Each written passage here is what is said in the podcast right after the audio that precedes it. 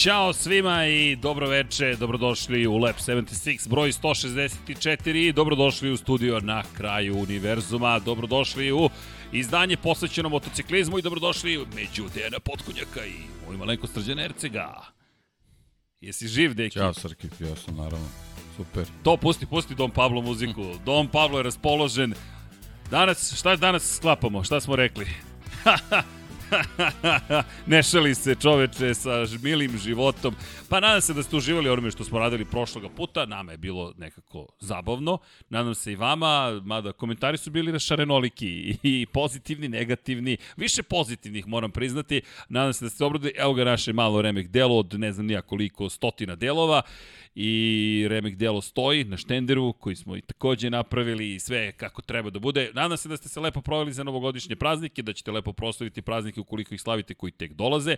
Oni koji slave po julijanskom kalendaru Božić, bliži se i ta proslava, sutra Badnji dan za one koji slave po julijanskom kalendaru, čestitamo vam i sledeće nedelje nova godina, sad ne znam po kom kalendaru, po julijanskom kalendaru svakako ne znam ko više slavi, ne slavi, mi sve slavimo, tako da želimo vam srećne praznike koje dolaze, koji su iza nas i nadamo se da ćete uživati u sezoni koja je de facto već počela.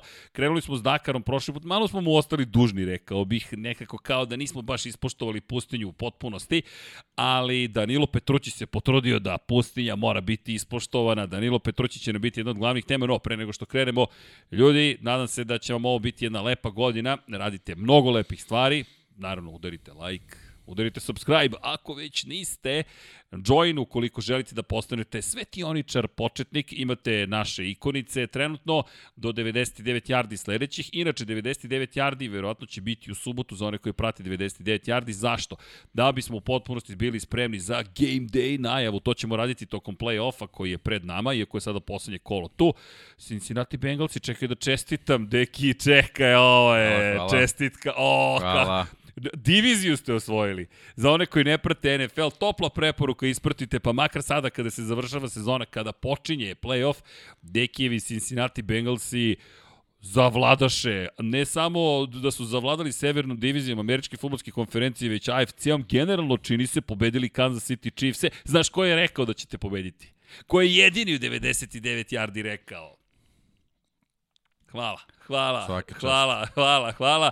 Tu su Bengalsi i da, bit će zabavno. Ljudi ko ne prati AF, američku, NFL generalno, topla preporuka, nekako ljubitelji brzine su ljubitelji i američkog futbola, ukoliko niste probali, probajte, nećete zažaliti, garantujem vam, a 99 yardi, pa nadam se da će vam biti zabavne, uvek se trudimo da budemo na nivou Kada je reč o lepoti ove godine, sezona će biti nikad duža u svim mogućim sportovima, u NFL-u je produženo Moto Grand Prix, u Formuli 1, kažem, radite neke lepe stvari, join, tu sam stao, da, svetioničar, ko želi da bude početnik, može da se pridruži, 500 dinara košta mesečno, košta, čujte, nama pomažete na taj način, pomažete i kompaniji Google, to jest Alphabet, koja je vlasnica Google-a, to jest YouTube-a, ali to je deo sporta u kojem smo, a ukoliko želite na neki drugi način da nas podržite, pa, kako smo smo rekli, dovoljno je da budete tu uz nas, dobri komentari, negativni komentari, konstruktivni komentari, kakvi god da su, uvek pomažu. Patreon.com kroz Infinity Lighthouse, da li ćemo čitati večeras? Pa, praznični su, nekako, atmosfera je praznična, ne, mislim da je red ipak da, da, da to učinimo, ali nećemo to odmah učiniti, malo kasnije kada prođemo makar prvu priču za večeras. A priča se skupilo kada je reč o motociklizmu, baš se skupilo i mnogo toga se događa, što u pustinji, što van pustinji, što u pripremu za odlazak u Maleziju na predsezonska testiranja, što kada je reč već o nekim transferima i tako dalje, što za mene otkrovenje. Ko nema pretplatu na motogp.com, ljudi, ako je ikada vredelo imati, sada je vrede imati, iako Dorna i dalje ne najavljuje uopšte šta snimi. Snimi, izbaci i kao da će to sad samo da se promoviše, mi smo tu da ispromovišemo, ali nas su inspirisali takođe, imamo neke ideje kako to što je uradila Dorna možemo i mi na Infinity Lighthouse celom kanalu praktično da primenimo za sve one koji eventualno nisu pretplaćeni na motogp.com, pa ćemo se potruditi, a i tokom večerašnje emisije da vam ispričamo šta je to pričao za Rossi, što je za mene bilo otkrovenje. Zaista, pitali smo se, spekulisali, sada već znamo. Ali, da mi krenemo od koga? Da mi krenemo od Danila Petrućija. Ako je neko zaslužio da pričamo o njemu, to je Danilo. Otišao je na Dakar prvi put ove godine za svakoga ko dođe na Dakar prvi put ili ne, završiti je prvi cilj. Danilo, neće ga završiti zvanično, ali je i dalje u igri i deki ne da vozi, nego se snašao gotovo savršen. Pa ne, znaš kako da kažeš da, ono, da je nekome ono, prvo padakar, stvarno je ono da, da, da bude za poštovanje, jer, jer generalno odlazak na, na taj reli zahteva ozbiljnu pripremu, a znamo da, da je Danilo pre samo par nedelja bio na, na Moto Grand Prix motociklu, tako da stvarno svaka čast bez obzira što ne nastavlja zvanično takmičenje, otklonili su te neke probleme sa elektronikom ili elektrikom, ne znam sad tačno šta je, šta je, šta je bio problem, ovaj, jednostavno morao je, morao je da, da odustane od, od zvaničnog daljeg nastupa, ali generalno ovaj, pošto, pošto su mehaničari uspeli da, da u nekom dozvoljenom roku osposobe motocikl, njemu je dozvoljeno da nastavi da nastavi takmičenje tako da pre svega će imati ovaj bez opterećenja način da prikupi iskustvo koje će mu biti potrebno za, za, za sledeće, sledeće takmičenje, ali deluje mi po njegovim rezultatima da se već navukao da na Dakar, tako da ga vidim ga u sledećim godinama tamo, ne, nema greške. Vidi, ja mislim da će on biti jedan od onih pobednika za, za KTM, za KTM i nastupa s kojim je nastupao i u Moto Grand Prix nastupao i u, za Ducati, ali s KTM-om je završio karijeru. Međutim, kada pogledamo Danila Petruća, kada pogledamo i njegovu konstituciju, to ono što mu je bio, bila, bio, možemo reći, ne mogu kažem mana, ali nešto što ga je usporavalo u Moto Grand Prix, u, da na Dakaru ta konstitucija moćnog, jakog vozača deluje da pomaže. Inače, šta se desilo Petruću? Petrući imao mali, što kažeš, električni kvar i ima pravo da radio vezom uspostavi komunikaciju sa servisom sa KTM-a, sa mehaničarima, koji mu potom pomažu da popravi motocikl dok je u samoj etapi. Međutim, šta se desilo? Negde usput je izgubio kesu u kojoj je bilo, je, bi, su bili svi neophodni alati, pasoš, dokumenta, tako da je Petrući zaglavljen bukvalno u pustinji, ali ono što je činjenica jeste, kao što se rekao, neće biti klasifikovan, međutim, brz je, bio jednom momentu čak vodeći, pao je, na, pao je na treću poziciju i odjednom jedan Moto Grand vozač u samom vrhu Dakara, impresivno u svakom smislu te reči, tako da Danilo Petrući skidamo kapu i navijam, ja iskreno navijam sada za Petrući je nekako naš je. Znam da, je, da i ostali vozači koji nastupaju imaju svoju reputaciju, pedigre, iskustvo i sve to, ali nekako Petrući došao iz neke druge discipline i više nego snašao. Da, ali super je, super je generalno ovogodišnja priča, mislim da će, da, da, da će biti stvarno ovaj, zanimljivo ovaj, trenutno posle treće etape, što apsolutno ne mora ništa znači, vodi Sam Sunderland ovaj, gas gasu, a deseti motociklista zostaje samo 18 minuta, pritom drugoplasirani Van Beveren ovaj, koji vozi Yamahu zostaje 4 sekunde posle tri etape, tako da ovaj, deluje mi da će to biti jako, jako interesantna borba i, i trenutni plasmani apsolutno ne znače ništa. Kevin Benavides, ovaj, aktualni pobednik je trenutno osmi, tako da ima ima ovaj tu još ovaj prilike da da bude dosta uzbuđenja, al kažem razlike su male tako da ovaj i Danilo bi bio tu on mislim da nekih 9 i po 10 minuta otprilike zaostaje tako da bi bio na nekoj 5. 6. poziciji trenutno tako da ovaj zaista je ovaj jaka konkurencija i mislim da će očigledno što se tiče motociklizma zbog samog i nastupa Danila Petruće, Petruće možda već u sledeće godine privući mnogo više pažnje i možda ćemo mnogo poznatih imena imati u čitavoj priči. Kada pričaš o imenima, šta je meni fascinantno? Honda je na prve dve pozicije. Zatim je Šerko treći i četvrti, francuski proizvođač, za oni koji eventualno ne znaju, Husqvarna, koja je u sastavu KTM-a, Gas Gas, koji je u sastavu KTM-a i tek onda dolazi zvanični KTM i onda imamo zanimljivo Slovnaft Rally Team zapravo i Stefan Svitko koji se nalazi na poziciji broj 8, e, to su sad najnoviji rezultati. Inače to su sa etape rezultati, da. Da, da, da, da to, to je to je posle četvrtog brzinca, to je 707 km su završili, ali je fascinantno kada gledamo proizvođače, očekuješ KTM koji je dominirao Honda koja se pojavila, međutim Sherko od jednog Husqvarna, gas gas. Da ta to što smo videli i u Moto Grand Prix kako je praktično KTM uveo Husqvarnu i gas gas i ovde se pojavljuje, ali nisam siguran da će baš biti srećni ukoliko neko drugi slavi. Dobro, ali generalno u ovoj priči KTM na svojoj teritoriji, tako Jest. da, da zna sigurno šta radi, tako da ovaj, i zna koliko je tim brendovima ovaj, potrebno da se pokažu na tim takmičenjima, da moraju da se vide koliko su robustni i izdržljivi, tako da i njihova pojava tamo je poželjna. Jeste, ali po, lepo si rekao, poželjna, ali ovo je lepo takmičenje između praktično robnih marki. Inače, Nasser Alatija i Matio Bomel su na poziciji broj 1 za Toyota Gazoo Racing u ovom momentu u automobil, konkurenciji automobila. Na poziciji 2, Sebastian Leb. dakle, jednostavno čovjek je neuništiv za Bahrain Raid Extreme ekipu i Carlos Sainz, najavljivali smo to tim Audi Sport, u jednom momentu su bili vodeći sa tim specifičnim električnim vozilom koje je, nije hibrid, iako ima motor, kao što smo rekli, sa unutrašnjim sagorevanjem da dopuni bateriju, to je dakle elektromotor koji ima malu pomoć motora sa unutrašnjim sagorevanjem. Tako da šta god daje, brzi su na poziciji broj 3 i to smo rekli da ćemo pratiti, prosto nam je zanimljivo iz perspektive onoga što dolazi. Inače, kada govorimo o kamionima Kamaz na prve tri pozicije, Kamaz Master i kada pogledate jednostavno Nikolajev, Jakovljev, Ribjakov na poziciji broj 1, Šibalov, Nikitin, Tatarinov na poziciji broj 2, Sotnikov, Ahmedov i Ahmed, Tizijanov na poziciji broj 3, Kamaz, Kamaz, Kamaz. Kao da čitaš napade Sovjetskog savjeza u hokeju, otprilike tako zvuči. Ali to jeste to. Larionu Makaru Krutu. Samo oni Samo su u kamionima i u pustinji. da. I dosta moćno to sve izgleda, ali eto, to su, ima puno kategorija i otvorena kategorija, imamo i naravno kvadove, ali nekako gledamo ove tri kao glavne kategorije, pogotovo motore, večeras makar. I eto, Dakar mora da se ispoštuje do 14. januara će trajati. Prošli put smo htjeli da ga najavimo, nekako kraj je bio godine, ponala se atmosfera. Ne znam kome je palo na pamet da slažemo Lego kocke, ali hvala nam na tome. Dobro, baš i nisu kocke. Ali, da, da, nisu kocke, ovo je sve odavno, samo ne to. Odavno da. su prestale da budu kocke. Da, to, su, to je Lego. Tačka da svaki dalji opis je izlišan, pošto bi smo opisivali praktično sve što postoji. Ali dobro, ko zna šta će nam još pasti Čestitam na pamet. svima koji su izdržali do kraja da nas gledaju šta radimo. I hvala im e, na da, tome. hvala na podršci, hvala na lepim komentarima, da li ćemo to u budućnosti raditi, gotovo sigurno ćemo nešto, nešto raditi, će. ali šta, nemamo pojma. U stvari, znaš šta? Okej. Okay. Nismo hteli ranije da otkrijemo, ali večera sklapamo Apollo Spacecraft, ali farbamo ga, revelove boje, kompleksnost broj 5. Dajte airbrush Dom Pablo pa da krenemo. Šalim se, naravno. Samo da vidimo kako ćete reagovati. Ali jednoga dana ćemo i to sklopiti, ali ćemo najaviti tu emisiju. Nekako ono je bilo nenajavljeno, ali nije nam bio plan, nije postojao plan. U suštini jednostavno smo rekli, ej ljudi, mi ćemo ovo da uradimo i to je to.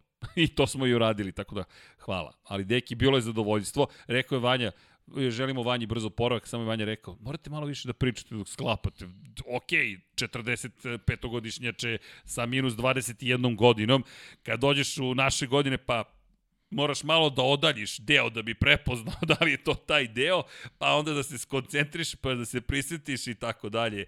Inače, pala je prozivka da, da, da sam bio kao dete koje pozove drugara na rođena da, sklad, da se igraju zajedno i onda ne da svoju igračku. Ne, ne, ne, meni je skroz odgovarala uloga. Tako Ali ja da. mislim da smo se mi... Ne, super neko je rekao da je to menadžer ekipe vozač. Ja sam rekao Ron Dennis i ne mogu da budem Ayrton Senna, bilo bi neprikladno. Rekao bih pa eto Mika Hakinen, ali eto, mada, u ča... mada, ljudi, nismo pogodili boje majica. Ovo je prvi put u poslednjih poslednje tri nedelje da nismo pogodili boje majica, ali da ispostavilo se deki nema ceo sortiman boja. Dom Pablo, to moramo da rešimo. Prijavit ćemo posle ekipi iz prodavnice šta smo sve pouzimali tamo, pa pošto sad moraš sve da prijaviš u magazinu, popis, stanje. Ste obavili popis? Mi jesmo.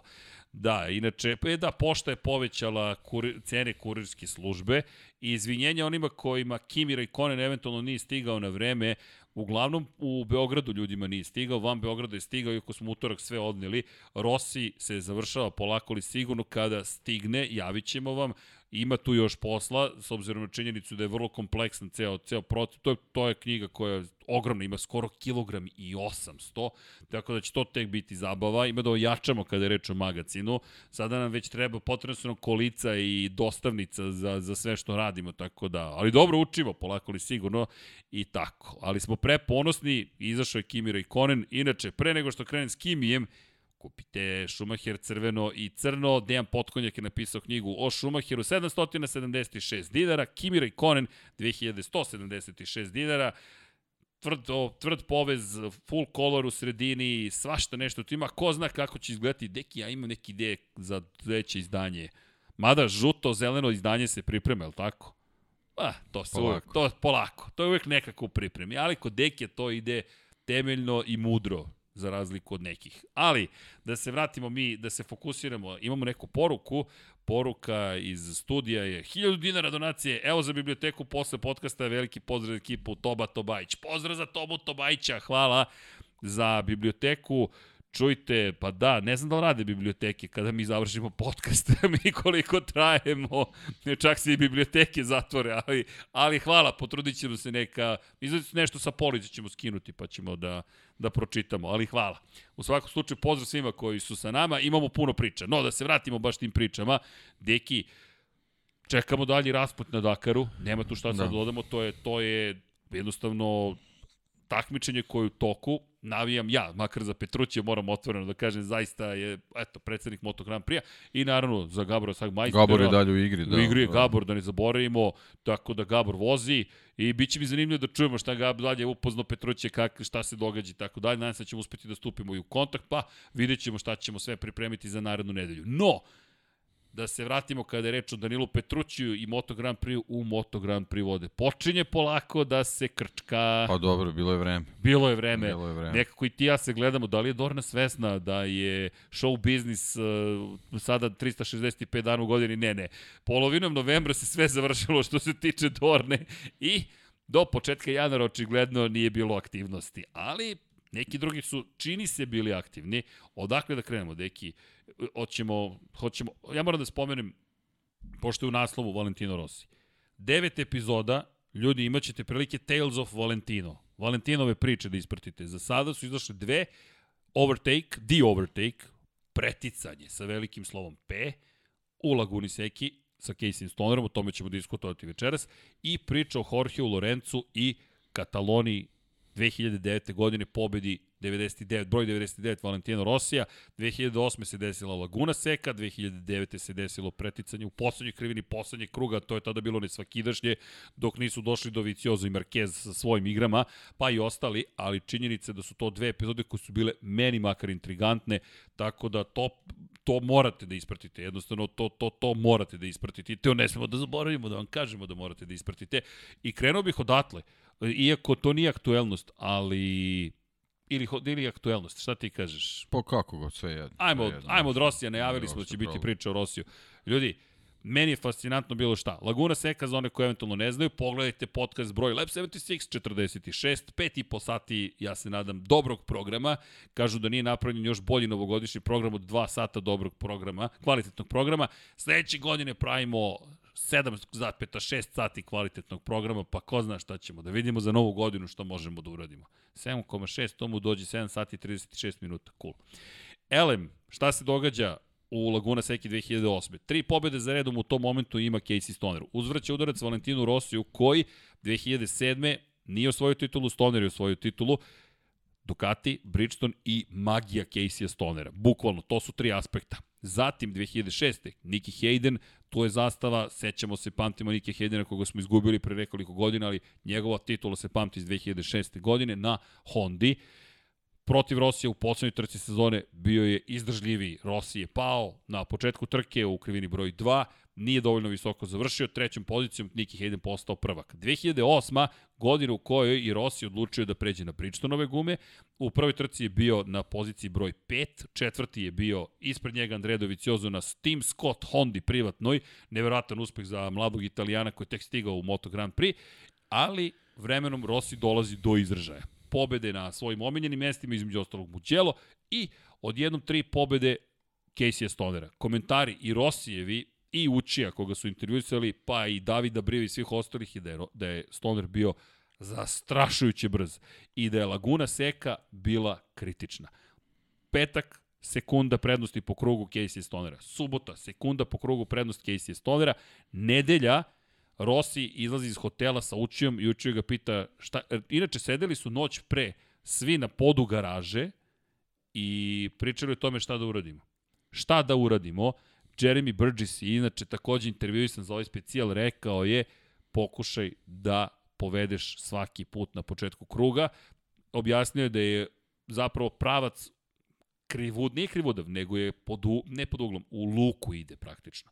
I samim tim koji ide sa spoljne strane mora da pređe duži put. Tako da možeš da, da nadoknadiš nedostatak ubrzanja, pa i maksimalne brzine, koji u tom momentu ponovo Ducati ima, u kojem ima prednost u odnosu na Yamahu i na kočenju da zauzmeš prvu poziciju.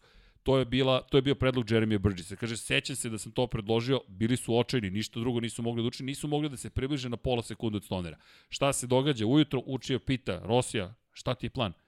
Kaže, vidi, plan je sledeći i ovo je meni bilo zastrašujuće istovremeno i fascinantno da je toliko iskren bio. Ili ću pobediti, ili trku nećemo završiti ni on ni ja. Ali ti garantujem, Casey Stoner, ukoliko ne pobedim, neće završiti trku. Deki, ja ne znam da je neki, šamp, neki vozač, kamoli šampion, kamoli takav šampion, ikada tako otvoreno rekao ili ili. Ja to nikad nisam čuo. Ja ne znam da li si čuo da je neko došao i tako rekao, ej. Pa dobro, ko zna šta ćemo sve čuti kad se nekome završe karijere. Tako to, to, da, ti, jedva čekam da čujem da, dosta ovo toga. Je, ovo je sad očigledno ovaj, eto, neki početak, neka najava te Rosijeve priče i ko zna šta ćemo sve slušati ovaj, u godinama koje slede. Jer karijere su više drugo, dugo trajala, ima tu svašta da se, da se priča, očigledno da da je prilika za takve stvari tek kad se karijera završi, kad se onako strasti smire, kad adrenalin krene da radi za ne, na neku drugu stranu, tako da ovaj a videli smo ovaj i ove godine koliko je poštovanje pre svega generalno između njih dvojice, tako da ovaj, ovo je sad prilika da, da saznajemo te stvari. da, ali neverovatno, da. kaže, neće završiti trku, a intervjuišu paralelno Casey Stonera koji ne čuje Rosijeve komentare, koji kaže, moj utisak je bio u toj trci da ili će Rossi pobediti ili nećemo završiti trku. Stoner koji je pročitao situaciju 1 na 1 i posle trke Casey je rekao neki od poteza su za mene malo bili preko granice prihvatljivog, dugo se trkam, neki od poteza su bili dva, preko granice, Rossi koji u Park Ferbeo zatvorenom parkištu, bez obzira što inače u toj trci se desio taj čuveni moment preticanje. Zašto se zove preticanje? Ko nije gledao tu trku, kako god znate umete nađete 2008. godina, velika nagrada Sjedinih američkih država Laguna Seka, čuveni Vadičep. Vadičep je 12 metara razlike nadmorske visine između ulaska u krivine, to je S krivina, i najniže tačke. 12 metara. Ljudi, to je četvorospratnica. Vi se spustite sa četvrtog u prizemlje kroz dve krivine i tu je Rossi napadao više puta, drugi put kada je napao, sišao je na trenutak sa staze, udario u zaporu ivičnih, vratio se na pistu i Stoner je rekao, ne samo Stoner, već i i njegova ekipa Cristian Gabarini, njegov glavni inženjer je rekao delovalo je da Rossi ne pušta gas i da nema nameru uopšte da razmišlja o tome šta će se desiti. Gas je pustio Stoner, nastavili su bitku, inače još jedan bitan moment, to smo se dugo pitali, na kraju kruga, jednog od krugova, je Stoner napravio grešku na kočenju poslednjih krivini i samo nastavio pravo. Išao je, dobro se držao zemlje, onda je upao u pesak. I tu je pao, završio je drugi, tolika je bila njihova prednost, ali par momenta. Preticanje se desilo u Vadičepu. Sišao je sa staze. U pravilniku piše, ako stekneš prednost s izlaskom sa staze, moraš da vratiš poziciju. Nije bilo vraćanja pozicije. Niko nije reagovao. Svi smo ako gledali što kaže Alex Briggs za bezeknuto šta se zbiva. Preticanje se nastavilo i kasnije na drugim pozicijama. Stoner je pokušao sa spoljne, sa unutrašnje strane, zatvarali su sve i taj moment preticanja je zapravo po mnogima redefinisao tu sezonu. Bukvalno i Davide Brivio, i Briggs, i Massimo Meregali koji su rekli ne, ne, Mateo Flaminji, Mateo Flaminji, njegov inženjer za podatke rekao to je trenutak kada smo zapravo počeli, to, to je moment kada se osvaja titula. Zašto? Posle toga Stoner je pao i u Brnu, bilo je puno problema, psihički ga je uništio Rossi. Stoner je rekao posle te trke nekoliko meni fascinantnih stvari, više nismo bili rivali, sad smo postali. Hteo je da izuzeti neprijatelji i rekao je specijalni rivali. Veći rivali nego što smo bili. Ali deki, baš neprijatelji. I zanimljivo mi je Stoner koji je rekao, od tog momenta sam sebi rekao, ukoliko mu ikad bude bila potrebna pomoć da osvoji titulu, poene ili pobedu, neću mu pomoći meni je to fascinantan pogled Casey Stonera i još jedna stvar rekao, u buduće sam sebi rekao nećeš više voditi računa o tome kada nekoga pretečeš šta će biti sa tim koga pretečeš, što smo juče spominjali u Formuli 1, ali pa 2008. kakvo rivalstvo, ne, neverovatne izjave. Pa generalno taj duel je onako u, u, u, formirao neki, neko, neko njihovo buduće, buduće rivalstvo iz, iz više aspekata koje si naveo, ali, ali generalno kad se, kad se posmatra ovaj, ta trka iz današnje perspektive, vidi se koliko tu ovaj, stvarno intenziteta ima u duelu, ali kad, kad, kad sa, sa tolikom distancom to pogledaš, nije to delovalo toliko dramatično, ipak su vodili računa u, Nisu u, ne, išli na to da... u nekim trenucima jedan, jedan o drugom, ali bilo je par momenata gde stvarno onako pri, pri ubrzanjima gde je dolazilo do kontakta na, na stazi kakva je Laguna Seka, znači ne pričamo o, o nekoj stazi koja je potpuno ravna, nego stvarno staza koja ima ovaj kao što si rekao i taj startni pravac, to stvari i nije pravac, nego jedna, jedna duga, duga leva krivina, prilično slepa u, u jednom trenutku, tako da ovaj, uh,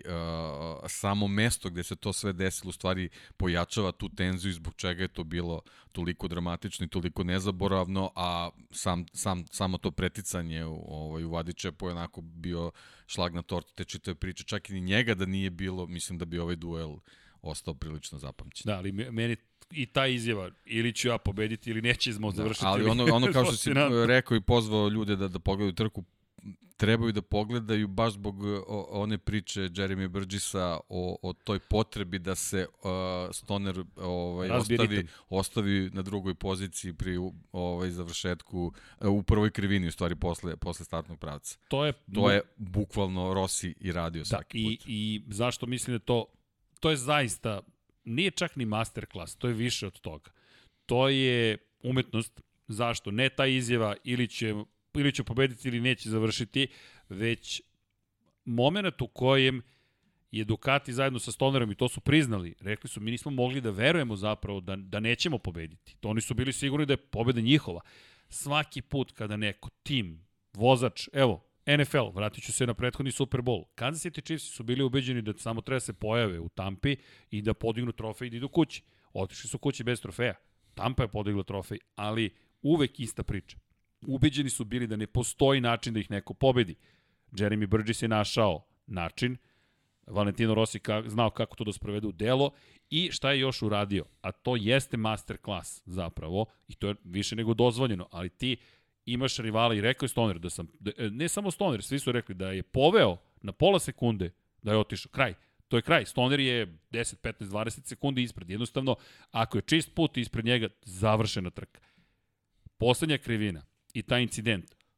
Stoner je rekao, Rossi je često ranije kočio u toj poslednjoj krivini, ne bi li imao bolji izlazak na startnu ciljni pravac. Međutim, u, toj, u tom krugu, Kaže, nisam očekivao da će toliko rano kočiti. U želji da izbegne incident, ja zaista mislim da ga je, nije ga break testirao, nego navukao, da se izrazim žargonski, toliko je rano kočio to je bila spekulacija, da li je ovo namerno učinio i odjednom vidiš Stonera, ne ne, vidiš Stonera koji ide, i koji sad priznaje danas, kaže, mnogo je ranije kočio. ali deki to je jednostavno kako da pa jednostavno rivala? razbijanje ritma je bilo ovaj ali bukvalno razbijanje ali ovaj to je to je dokaz te te Rosije veličine i otprilike uh, to to u stvari dosledno sprovođenje ideje Jeremy Burgessa uh, podsjeća na one, one, one priče ovaj, koje smo pričali o Schumacheru i, i njegovim komunikacija sa Rossom Bronom, gde je bukvalno u, u kritičnim situacijama radio uh, perfektno, precizno ono šta, šta, šta dobije kao instrukciju sa pitfalla, tako da i, i ova trka je pokazala Rossi u veličinu da, da a, ideja koja zvuči nemoguće, jednostavno ovaj, nije nemoguća kad, kad on treba da bude taj koji treba da je sprovede delu. Tako da, zbog toga, kažem, taj, taj obilazak je onako, eto, bio spektakularan i, i ovaj, doveo do, do, do, do te situacije da, da bude sporan zato što ga je ovaj, Rossi izveo van stazi i tako dalje tako dalje, što kažem sad iz ove perspektive to čak više nije toliko ni bitno, ali, ali generalno da, i, da i njega nije bilo ili da je, da je izveden na, na, na ovaj uh, regularni način kao što je bio onaj jedan obilazak pre njega, ovaj, mislim da ova čitava trka treba da, da ostane upisana u istoriji kao ono stvarno izuzetan duel dvojice velikih, velikih Moto Grand Prix majstora. Ma baš su velikani. Ali mi je fascinantno sada iz današnje perspektive gle slušati jednog i drugog. Inače, oni su pričali sada na poslednjoj trci u karijeri Valentina Rosija, su pričali, sreli se u garaži, pozdravili opisao je i Casey Stoner kako vidi Valentina i koliko je velik i još jedna meni fascinantna stvar jeste koliko je Rossi bio spreman da izgubi i da žrtvuje rivale, da žrtvuje prijateljstvo odnose, nema tu prijateljstava. Ono što me, na što me podsjeća jeste opet na Michaela Jordana poslednji ples i njegova priča kada je reč o, o saigračima čak. Ukoliko želiš da uspeš, nemoj da mi dolaziš sa stavom tim prizemnim, niskim i niskim ambicijama, cena biće visoka i rekao je, ako hoćeš da budeš vođa, ako hoćeš da budeš pobednik, ako hoćeš da budeš šampion, postoji cena. I to je ta cena. Ross je platio tu cenu. Ne kažem da je neka sada tuž, to je to je neka tužna priča. Samo svest o tome, nema više nikakvih prijatnih odnosa posle ovoga momenta, ali ukoliko ga ne pobedi, titula ostaje u rukama Casey Stonera. I ta Laguna Seka zato jeste toliko velika. U takvoj situaciji u momentu kada rival ima toliko prednost da ti zajedno sa timom sediš, pazi, meni ta scena, mogu samo da zamislim, pazi, to su svi mehaničari i sediš kao oko logorske vatre i kažeš šta ćemo sada da radimo. Nemamo pojma. A Ducati koji je ubeđen sve je završen. Posao je završen. Nije, to je subota veče. Nedelja je dan kada se trke voze. I sećam se prenosa te trke, znam da sam prokomentarisao ljudi, atmosfera je čudna u Laguna Seki, ako nisam u Laguna Seki, sve što dolazi odande od kadrova, naježiš se i znam da sam rekao, pokušao sam šifrovano mami i tati da kažem da snime, igrali su karte sa stricom i, stricom i strinom, i na Eurosportu u to vreme, sad, kako sad da kažem, mama snimi, snimi ovu trku vredi, ovo treba sačuvati i poručujem mame, tate, sestre, strine, stričevi, snimite ovu trku, nadi da oni slušaju trku i da će skontati da su to oni. Tako da neko mi je posle rekao, seća se si prokomentari su stri, stričevi i strine. Šifrovana poruka je bila ljudi moje porodici da snimi tu trku, ali avaj. Tako da nemam snimak te trke, a volao bih. Mada smo posle to radili na sport klubu u Relive-u, takozvanom, pa je to bilo zanimljivo. Ali, spomenuo si nešto neverovatno, a to jeste zapravo uh, Spomenuo si i Schumachera, spomenuo si Ferrari, voleo bih da napravim jednom fotografijom zapravo prelazak na, na sledeću temu. Ovo je Valentino Rossi ljudi u Ferrariju. Ovo je Valentino Rossi u Ferrariju. Zašto je ovo bitan moment? To je moment, ovo se dešavalo. On je testirao za Ferrari i uvodi nas zapravo u potpis koji je stavljen na papir te godine – Jorge Lorenzo je doveden u Yamahu. Zašto? Davide Brivio, koji je posle otišao u Ducati sa Valentinom Rossijem, nevratna fotografija, iz, iz, deki ja kad ovo pogledam, za oni koji su na audio platformama, samo kratak opis. Crveni Ferrari iz 2000-ih godina, još uvek Filip Morris se nazire, broj 46 stoji na ovom bolidu. Samo značka Ferrarija sa ovom kacigom, sa suncem, mislim da vredi milion dolara, bukvalno. I autentičan strah je postoje u Moto Grand Prix celokupnom i u Yamahi, da Rossi čeka odlazak u Formulu 1. Bernie Eccleston je silno želeo da ga dovede, pošto, zamisli, Rossija koji dolazi u Ferrari. U tom vreme još uvek Michael Schumacher vozi za Ferrari. Ne sam ni da zamislim tu kombinaciju svega, ali Italijanu i Ferrariju, još kako bi nešto i postigao, koliko god to neverovatno ili gotovo nemoguće zvučalo, razmišljaju o tome. Koga potpisuje Yamaha, to je makar rezon koji stoji iza njihove odluke, Jorge Lorenza. I to je druga priča, druga ispovest, gde je rekao Rossi, ne, ne, ja sam bio ljut i smatrao sam da nisam zaslužio klubskog to, kolegu poput Jorgea Lorenza da ga dovedu. Ja sam verovao u Yamahu kada nije imala rezultate i to da mi urade. Bukvalno je to bio stav i slušam ga i razmišljam, ok, zanimljiv stav, ali stav koji nije nešto pretarano krio, oni su imali rat 2008. godine, to nije 2009. kada se desilo to preticanje u poslednjoj krivini poslednjeg kruga, zid je postojao između njih. Zašto? Rossi je bio na Bridgestonu, na Michelinovim gumama je bio Jorge Lorenzo. Lorenzo koji osvaja pol poziciju u prvoj trci u karijeri, Lorenzo koji slavi tipa u drugoj, treći, u drugoj trci u karijeri u Estorilu i uz psovke koje ne mogu da ponavljam što učio, što Rossi s komentari bili, uf, koga smo dobili za rivala s druge strane garaže. Ali, sledeće godine jedan i drugi imaju Bridgestone, zid ostaje. Zid je ostao, međutim, Katalonija je bila kritična. U Muđelu je pobedio Rossi, ponovo, i dolazimo u Barcelonu, koja mu i tekako odgovori, reka Rossi, jeste, to je domaća staza Jorge Lorenza, međutim i telemetriju kada je gledao, bez obzira na različite stilove vožnje, u hiljaditi deo sekundu su imali krugove. Za one koji ne znaju, opet, pogledajte, Bukvalno preticanje u poslednjoj krivini poslednjih kruga, međutim, ne samo preticanje, već koliko su se odnosi promenili posle toga i opet ista situacija kao prethodne godine gde su rekli, tu nije rekao, plan je bio da Lorenzo ne završi, da nije bilo tog plana, ali je plan bio pobediti, ne po svaku cenu ne pobediti. Inače, trening za taj za to preticanje imao sezonu ranije, kada je uspio da pretekne Stonera u poslednjoj krivini, u 2007. iako nije pobedio 2007. ali uspešno pretek, pretekao i to je zapamtio, ali šta mu je rekao Flaminji, ne, Brivio mu je rekao, rekli smo mu, nemoj ni, nemoj ni u jednom krugu ranije da povučeš taj potez. To čuvaš za sam kraj. Vraćam se na pripremu trke. Koliko ti unapred razmišljaš o nekim stvarima i od, je pobedu. Ali ono što je bilo fascinantno jeste što su rekli svi da se posle toga promeni odnos između njih dvojice, između ekipa u Yamahi, koliko god su pokušali da, da obuzdaju strasti, ne to je, to je bio kraj njihovog prijateljstva. Pa, fascinantno. Fascinantno, ovaj, zaista za svaku preporuku ovaj, da se pogleda da se pogleda ta trka posebno poslednjih ne znam, 5-6 krugova. Da, da, da. Stvarno bilo veoma intenzivno i na nivou kvalifikacija. Zaista onako ovaj, dva vozača koji se ne štede ni, ni, na, jednom, ni na jednom metru staze. Ovaj, I onda naravno taj, taj manevar koji je jednostavno ono matematički proračunato pre svega zbog te konfiguracije staze u Barceloni i dužine startnog pravca, jedino što si mogao da uradiš je upravo to, to smo viđali i ove i prošle sezone i u nižim kategorijama, ovaj, kako vozači koji vode u, u ovaj pretposlednjem krugu i prelaze liniju cilja kako do, do, do, do završetka trke i do ponovnog prelazga preko te linije bukvalno mogu da budu i 9 i 10 jednostavno ovaj takva je konfiguracija staze i ovo je još jedan primjer bio da, da, da je Rossi stvarno bio majstor da, da u poslednjim ovaj, fazama trke radi bukvalno sve što su se dogovorili u, u toj pripremi. Tako da ovo je još jedan onako što ti voliš da kažeš master class ovaj obojice, ali naravno pre, pre svega Rosija zbog tog, zbog tog manevra koji se radi na mestu gde se to ne radi. Hvala. da.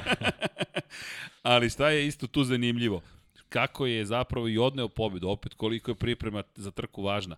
Lorenzo je rekao, i novinar im je rekao, ko stigne prvi do desete krivine, u poslednjem krugu taj je pobedio.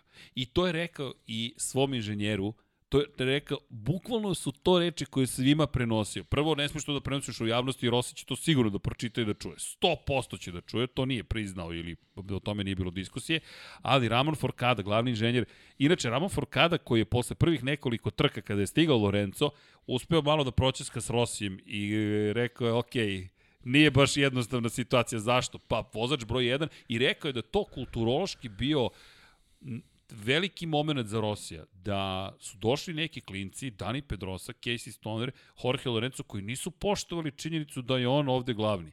Nije mu, nije mu bilo jasno, ne razumem, zna se ko je glavni u Moto Grand Prix, ne, ne, oni to ne poštuju i još mu Yamaha dovede jednog od tih što ne poštuju poredak stvari, a on je prvi bio taj koji nije poštovao poredak stvari, ali šta, kako ti idu godine, I Forkada koji je shvatio, rekao, ok, ovo će biti čupavo. Biće žestoko u timu Yamahe. Lin Jarvis koji je, međutim, Jarvis koji je konstatovao lepo da nisu doveli Lorenca, kakav god je bilo obrazloženje. Pitanje da li, bi ima, da li bismo imali takvog Rosija i da li bismo imali takvog Lorenca, jer nisu morali. Elem, vraća me na krivinu broj 9, izlaz široko ide Lorenzo, brani spoljnu stranu krivinu, 10. i Rossi nema šta da radi, 11. to je prvo 10. pa 11. 12. 13. i sad između 13. i 14. taj kratki pravac nizbrdo. Lorenzo shvata da je pobedio. Da, on je pobedio i rekao je Rossi, video sam po ponašanju motora da više nije toliko agresivan, a učio je objasnio, rekao je Rossi nije, Valentino nije bio trećoj brzini vratio u stepen, ran, u stepen niže krivinu ranije da bi imao brži izlaz. I kao to vam je genijalnost. U trenutku on je bacio u drugi stepen prenosa, spustio se, pretekao ga i, i došao do 99. pobede, ali sve te okolnosti i proslava pobede po završetku trke je toliko glasna bila u garaži, u delu garaže koji pripada Rosiju, da je drugi deo garaže bio veoma ljut i uvređen kako možete tako da slavite glasno, kao da ste, i rekao je Lorenzo, kao da su titulu osvojili.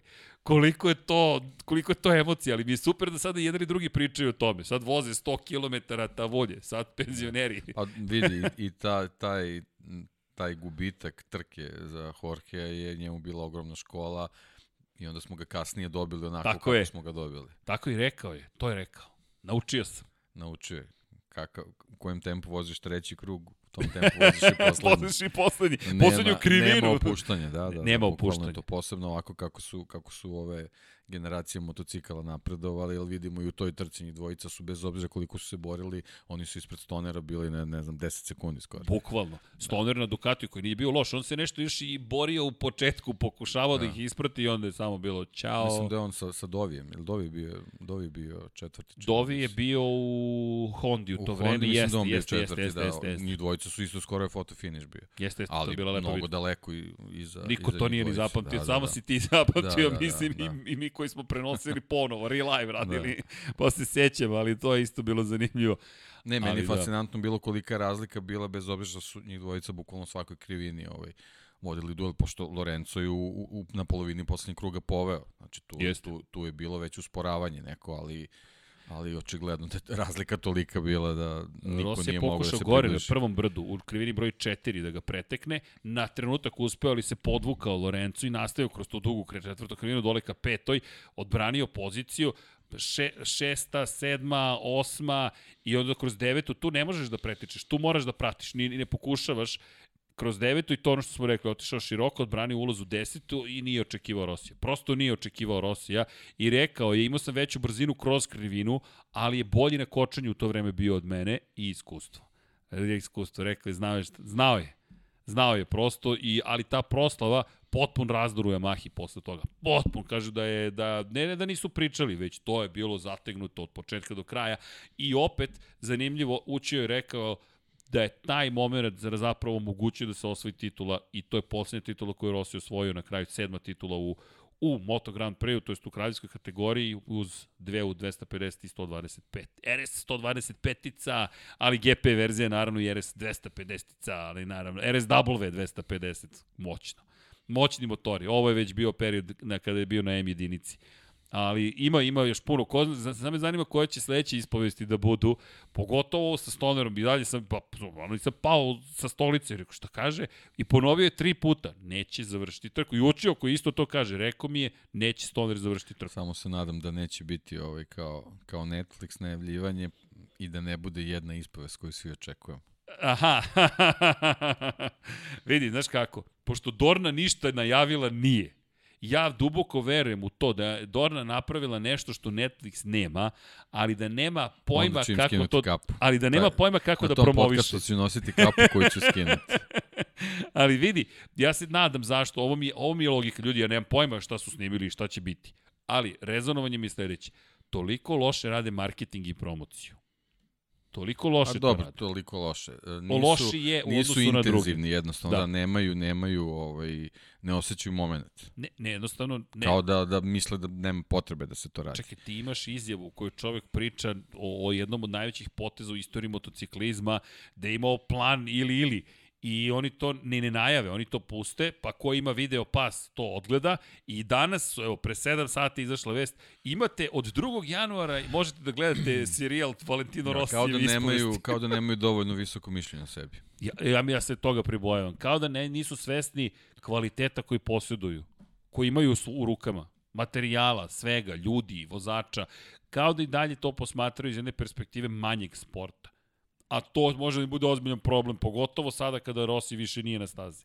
Pošto je on taj koji je magnet zapravo ogroman, najveći. Naravno da je Marquez magnet, naravno da je Doviciozo magnet, naravno da je Fabio Quartararo magnet, naravno da je Francesco Banjaj magnet, ali pokraj Valentina Rossi sve su to ali mali samo je. Samo je Rossi taj koji uspe za svoju ekipu da pronađe dovoljno jakog sponzora, da zameni, da zameni dovoljno jakog sponzora. Izvolite kolega, koji je to novi sponzor ekipe VR46? Da. Ne znam kako bi to izgovorilo, to Muni ili Mani ili kako, kako se to, to pa je neka znam, ta moderna, moderna igra slovima. Ovaj, pa ne, ono... Jesi, jesi, skoro smo da nešto pričali o tome da, pa ne, apsolutno nije postojala mogućnost da to budu crni motocikli na kojim će pisati samo VR46, jednostavno. Pa da. Ne postoji ta mogućnost, ovaj, Muni grupa je, je postala novi uh, novi sponsor, Jeste. ovaj, generalni sponsor VR46 Mislim da, mo, da, ekipa. VR46 ekipa i Moto Grand Prix i, u- i u dvojkama. Jeste. Ovaj to je ovaj kompanija koja se bavi novčanim o, transakcijama, Italijanska kompanija, italijanska da kompanija, ovaj sad baš onako potpuno neverovatno i čudno da se baš pre dva dana su NL grupa i San Paulo Inteza grupa ku, otkupile ovaj preostale akcije Muni grupe za 1,3 milijarde evra.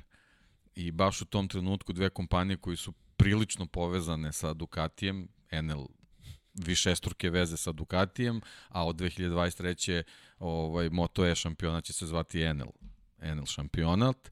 Ovaj i Inteza San Paulo grupa koja je inače ovaj grupa koja drži čitavo generali osiguranje koji u trenutku kad je Valentino Rossi vozio za Ducati bio sponsor Ducatija, baš te dve ovaj grupacije su otkupile Muni i baš su u tom trenutku odlučile da da ovaj kao što naravno sve velike kompanije rade, ovaj dobar procenat ovaj sredstava koji su izdvojili da da otkupe akcije, da da dobar procenat iz, iz tog iznosa ovaj prebace za marketinške delatnosti da budu sponzori ovaj ekipe Valentina Rosija i bukvalno od od od dana zvanično više ne postoje prepreke i problemi da da se VR46 razvija na način kako su kako su ovaj verovatno već zacrtali i isplanirali. Da citiram Emilija Petronea, izvršnog direktora grupacije Muni, objasnit ćemo i čime se bave, povezati ime Muni sa takvim prestižnim brendom, robnom markom kao što je VR46 trkački tim,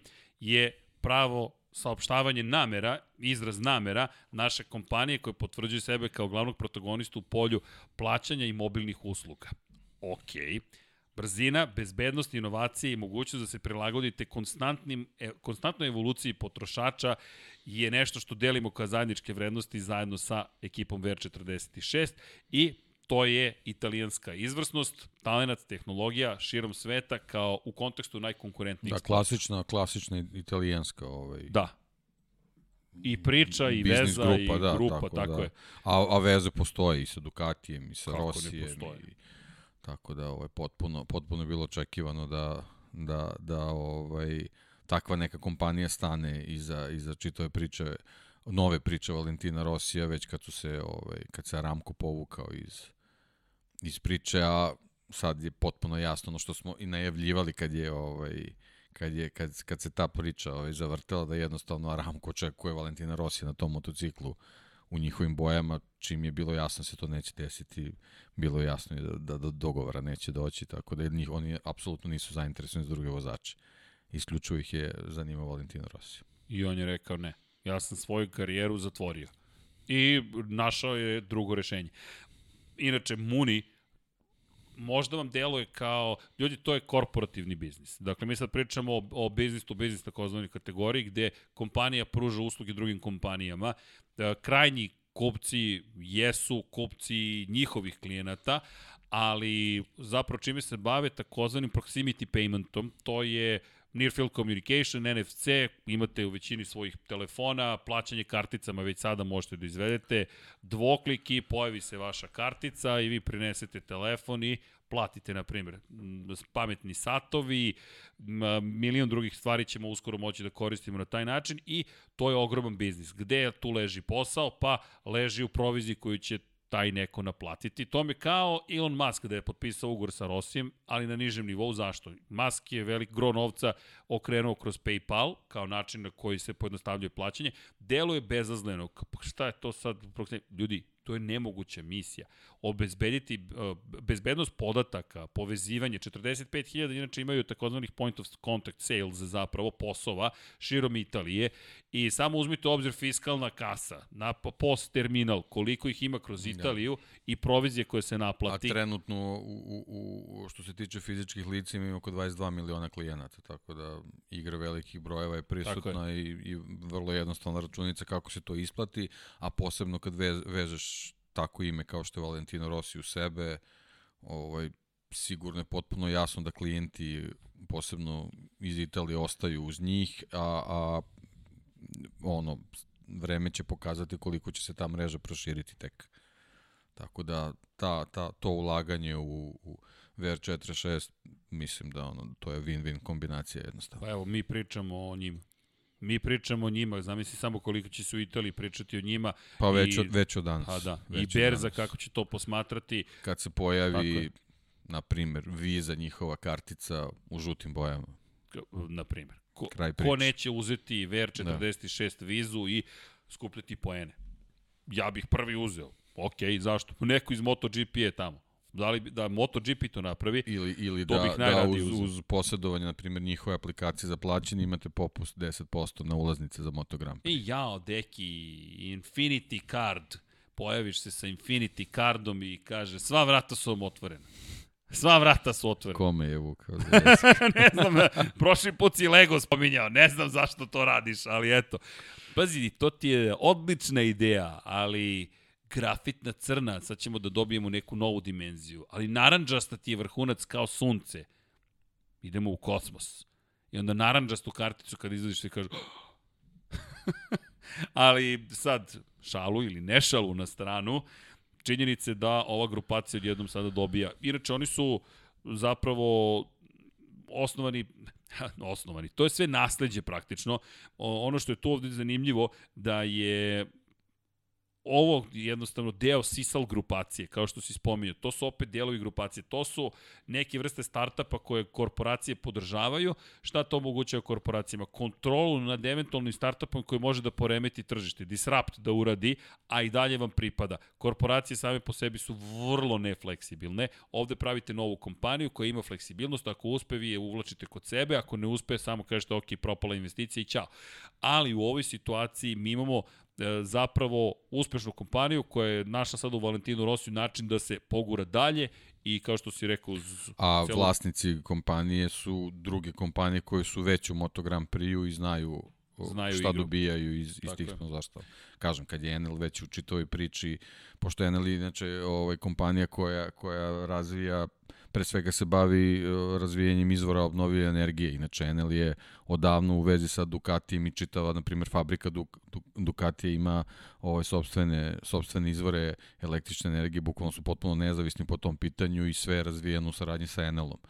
Enel je učestvovao u razvoju Moto E čitave priče i od 2023. Bi, biće generalni sponsor, generalni pokrovitelj šampionata, tako da već je tu sve poznato i sa, sa marketničke strane, tako da ovaj, vrlo, vrlo će jednostavno biti Muniju da, da, da, da uđe i da isprati čitavu priču vezano za VR46. Šta, šta je meni tu još zanimljivo, dodatna dimenzija, a to je koliko korporativnih italijanskih sponzora se vraća i ulazi ponovo u Moto Grand Prix.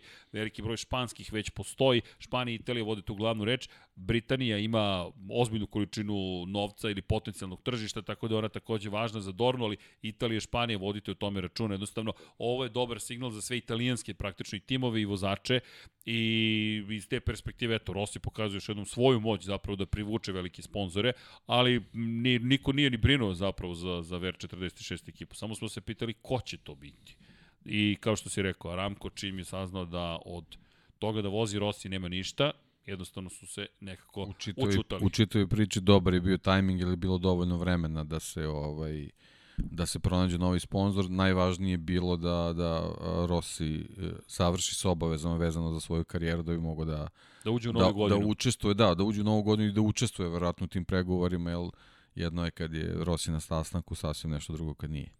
Pa Tako da, da, učio njegov najbolji da. prijatelj, zapravo čovek koji je menadžer ekipe i on je taj koji je zapravo izvanično uslovno rečeno potpisao sve ovo, ali vlasnik da, da, Ross... samo da ne zaboravim, sad, sad sam se setio, znači uh, uh, Muni učestvuje u svim aktivnostima VR46 trkačkog tima vezano za Moto Grand Prix šampionat i obe, obe ekipe, ali će podržavati sve nastupe Valentina Rosija na četiri točke.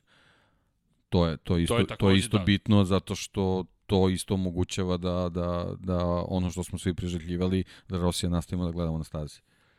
Pa da. To, je, to već automatski znači da će imati obaveze da se pojavljuje na stazi, tako da ćemo ga imati sigurno u toj priči. Vidi, sva, sve što ima veze sa Moto Grand Prix, moram ti priznati da, da je meni fenomenalno. Da li sutra, kaže ti, da izbaci karticu, super. Ma kogod od njih, tamo da se razumemo, da Marquez izbaci karticu, dajte. Quartararo, dajte. Ne, ali zamisli kakva je sad to lančana, lančana reakcija kad, kad jedan automobilski šampionat bude potpisao Valentina Rosija da će da nastupati u tom šampionatu. Šta, kakav je to boost za njih? Znači, bukvalno taj čovek pokreće lančanu reakciju.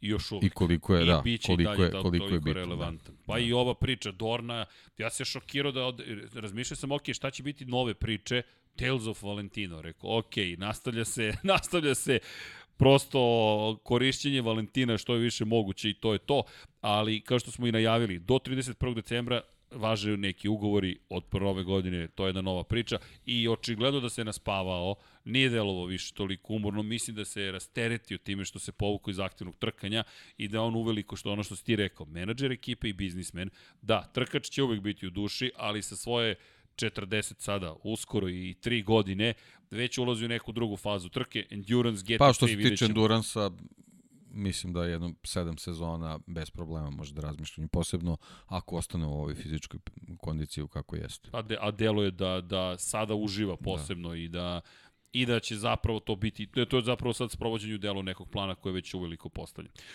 I tako, u svakom slučaju, VR46 ekipa deluje još moćnije, kao da nije već delovala dovoljno moćno, ali nisu to jedine vesti, nisu to zanimljivosti. Inače, samo da ne zaboravim, i bitan moment iz te priče koju ispričao, koja je do sada bila neotkrivena, jeste zapravo da je, kada je prešao preko Ivičnjaka u Laguna Seki, da se vrati samo na tu prvu priču, to je Flamini rekao, ocekao glavu Vika zapravo za Carter i da je bukvalno 2 mm ili 3 ostalo od toga da, da otpadne i da izađe, da iscuri ulje i da se završi trka tu, dovelo je do još jedne inženjerske promene, to je rekao Jeremy Burgess, posle te sezone taj vijak više nije išao na trbuh, nije išao na dno, već sa strane.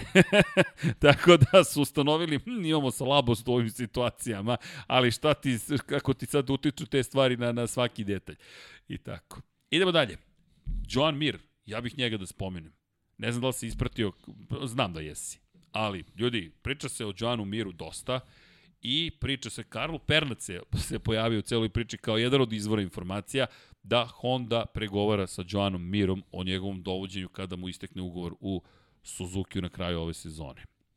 Deki, kako tebi to izgleda? Ja sam već u glavi razradio nekoliko scenarija, ali Zaista me zanima kako ti to vidiš.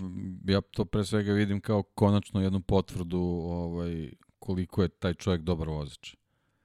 To je, to je ono što, što je najvažnije, naravno, ukoliko je to, to sve istina. Jednostavno, ovaj, titula koju je osvojio niti je ovaj, ishvaćena na pravi način zbog čitave situacije koju smo imali pretprošle sezone sad već. Uh, ovaj, niti na način kako to ekipa ispratila, ispratila na kraju krajeva nikako sam mir ovaj, ispratio svoje, svoje osvajanje titula. Pričali smo o tome, tako da mislim da ovaj, ukoliko Suzuki nešto ne uradi ovaj, u, u 22. sa, sa svojim motociklom, uh, Joan Mir će imati ozbiljnu potrebu da, da sedne na, na ovaj motocikl druge ekipe da bi u stvari jednostavno pokazao da osvajanjem neke nove titule dobije tu vrednost koju je i zaslužio. A gde ćeš bolje od Repsol Honda?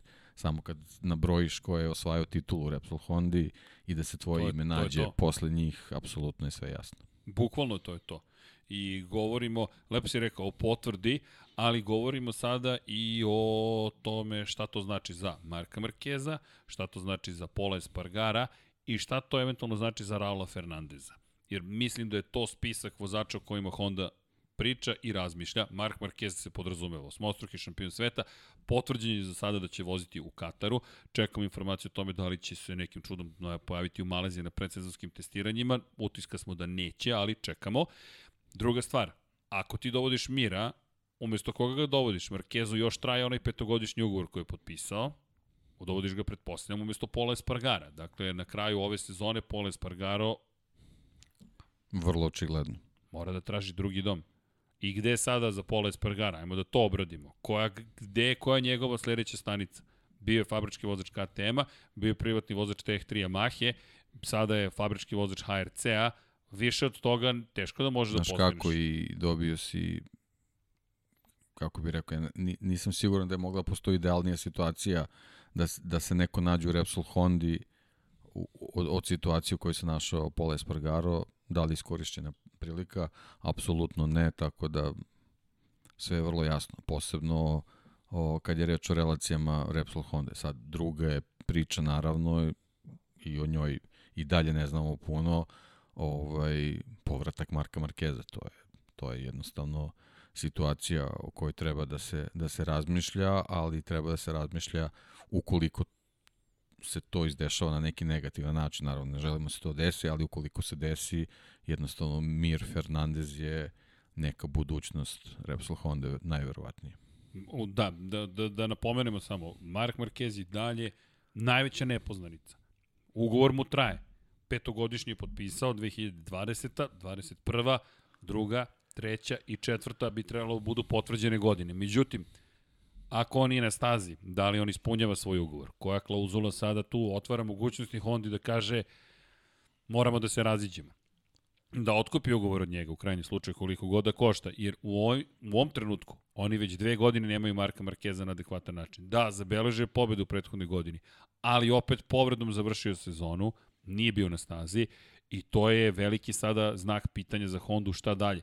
Jer ukoliko ni ove godine ne bude bio na tom nivou koji je potreban, to su tri godine sada već bez Marka Markeza, ako je ovo jedna od onih era u kojoj je gotovo nemoguće uspeti u Moto Grand Prix. Čak i za Marka Markeza se postavlja pitanje posle tri sezone, uz dolazak nekih novih vozača, uz moćan tim Yamahe, M jedinicom će upravljati svetski šampion Fabio Quartararo i nekadašnji svetski šampion Moto2 kategorije Franco Morbidelli, a Yamaha redko menja timove i mislim da će oni dugo imati podršku ekipe. I deluje mi da će taj tim opet slično onome što su radili sa Rosijem i Lorencom, da će jedan drugog praktično kao i u Petronasu unapređivati. Tako da je Yamaha dosta jaka. S druge strane, Ducati toliko motora ima na stazi da, da deluje, de, deluje prosto moćno. Nisam siguran za KTM šta možemo da očekujemo. Aprilia ima tu još posla i dolazimo do Suzuki koji je popustio. Još ako izgubi Mira, to je baš onda problem. Dakle, ti imaš Yamaha, Ducati i Honda ne verujem da ne želi da vidi ni jedne ni druge kako je pobeđuju. Pa sad dobro, nabrojao si naravno sve to što ima na gridu, ali mislim da su da Hondu isključivo zanima fabrički tim Yamahe i fabrički tim Ducati.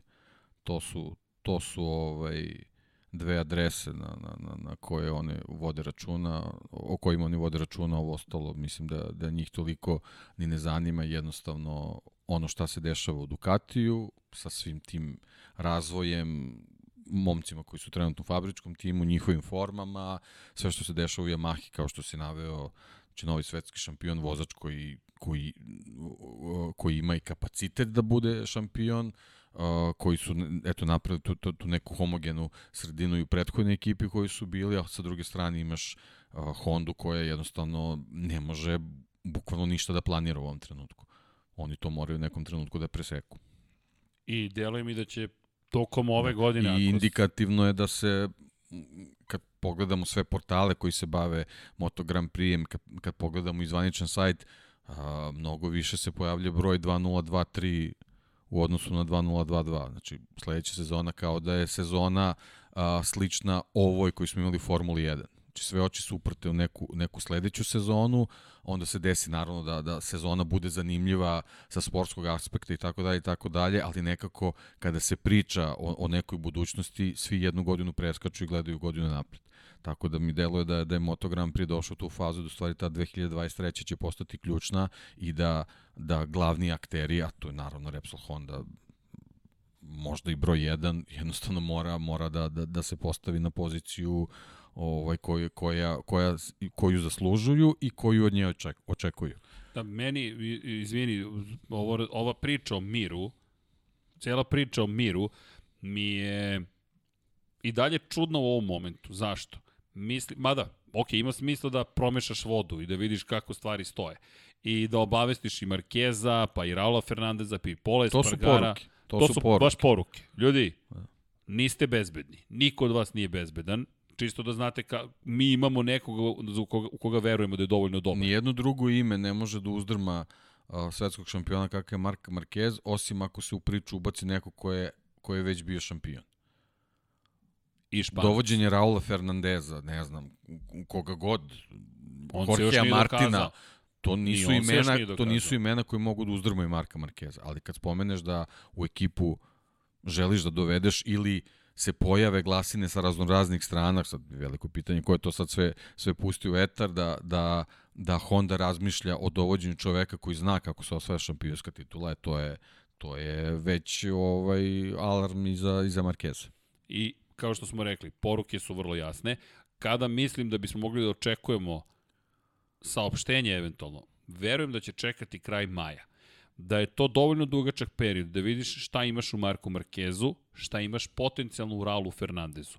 Jer do tog momenta ćeš već znati, ako Fernandez nije dovoljno brz, ali je rešen, uporan, sposoban, precizan u povratnim informacijama, utisak u KTM-u je dobar, možeš da razmišljaš dakle o Raulu Fernandezu. Ukoliko je Marquez ponovo onaj stari Mark Marquez, dakle ti imaš nekoga na koga kažeš ok, računamo na tebe. Onda gledaš ka Polo Espargaru i kažeš ok, ali šta si ti uradio među vremenu? Ako Polo Espargaro nema čudesnu sezonu u kojoj je stalno među vodećom trojicom, ne, konstantno mora da bude pet, među vodećih pet i gotovo redovno na pobedničkom postoju u smislu da, da ako nije na svakoj trci svaka prva druga, pa treća eventualno da ne bude ili svaka treća makar da bude, da uradi dovoljno za tu ekipu.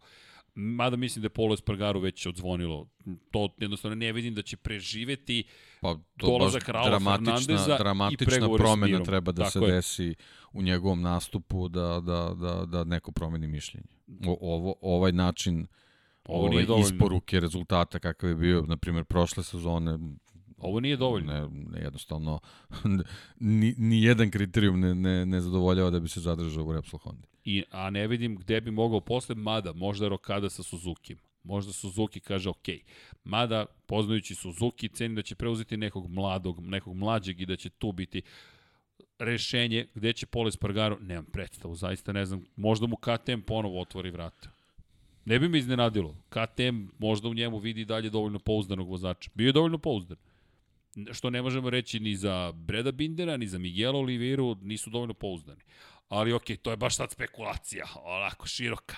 Međutim, zanimljivo, eto, mir kao, slaga, kao deo slagalice, veoma važan u, u cijeloj ovoj priči i naravno možda Karlo Perat prosto govori nešto što, što će biti prenešeno dalje, ali obično Kažem, Perat... mi, ja već, već ne znam koji podcast za redom ponavljam, u ovom trenutku, što se mene tiče, Quartararo, Banjaja, Mir, to, to su tri vozača, ono, apsolutno sva svetla su uperena u njih.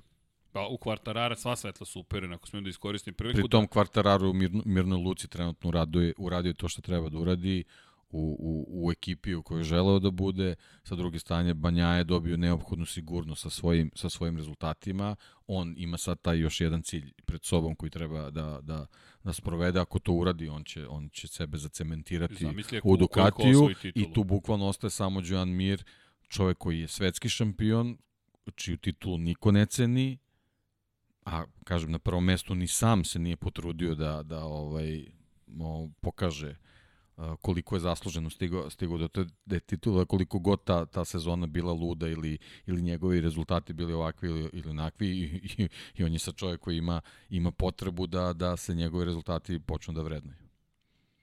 Mislim da ako odeš u Repsol Hondu, si dobio svu potvrdu koja ti ikada bila potrebna. Kažem, ako, Pole ako, ako još nema pobedu. u toj ekipi postane svetski šampion na koji god način Ne, deki, to ne, je ne kraj. verujem da postoji osoba koja može da ti pronađe zamerku, posebno kad se nađeš na toj listi gde su Čekaj. Duan, Rossi, To Hayden, druga titula. Stoner, Marquez. A, stani, to si dvostruki Pa da. šampion na dva različita motora. Hajde da saberemo u istoriji ko je to uspevao. Giacomo Agostini, Valentino Rossi, e, onda bi to bio Joan Mir i koga sam izostavio, koji je još uspeo, ko je na kraju 80-ih Amerikanac, stade mi mozak, prešao je iz Ho Yamahe u Hondu. Kad mi ovako stade mozak, a, Freddy Spencer. ne, ne, ne, Freddy Ne. nije, nego... O, kako, 80-ih? 88. 9. 87. je bio šampion Rain, uh, ne Raini, nego je bio Gardner a potom je došao, jao, znaš kad ti stade mozak, kad mi stade mozak. Dobro, sad ćemo to odmah da, da rešimo pitanje. Edi, ne, nije Eddie Lawson, nije. Čekaj, ko je... Ko je osvojio, jel, mada Lawson bi trebalo da bude taj ko je osvojio titul. Eddie Lawson, Eddie Lawson jeste, da. bravo, deki, da. Eddie, Eddie. Da je Eddie osvojio sa Hondom. Steady Eddie. Steady Eddie, bukvalno. Ne, osvojio sa Yamahom, pa je onda otišao u Hondu sledeće godine i nije imao pobedu za pobedu. A i pobedio na Kađivi. Pa dobro, vidi, vidi kako. Eddie Lawson je mnogo toga postigao u svojoj karijeri. Pazi, on je pobedio Vejna Rejnija na Yamahi, ali to je to, 88, 89, to su njegove sezone. Samo mi, kad mi stade mozak sa imenima. Godine čine svoje. Mm. Ej, a čekajte Rosijeci, ko ove godine ima 46 godina? Ajde sad svi like da udarite zbog toga. Kad napunim 93, javit ću se Markezovcima. udarite like. Ne, ta će biti mahnite za like. Ko zna šta će tada biti, ali dobro. Da, udrite like i udrite subscribe, zato što smo youtuberi. Moramo da, znaš da su me zvali na konferenciju u Sloveniju? Baš da pričam čudi. o YouTube-u Režem, šta želite da čujete? Pa kako na, uh, YouTube i pretvoriti u biznis? Pa rekao, mene pitate. pa mi to još nismo uspeli, tako da, a nije ni da smo imali plan. Ali ne, pitali su, pitali da li, da li mogu da komentarišem YouTube i e-commerce i tako dalje. Rekao, mi nismo imali plan. mi smo obukli majice i publika je rekla da možemo da kupimo majice. Eto ti ceo plan. E, pa to je dobra priča. Ok, doći ću u Sloveniju onda da vam pričam tu priču. Pa ako vam je to zanimljivo, here you go.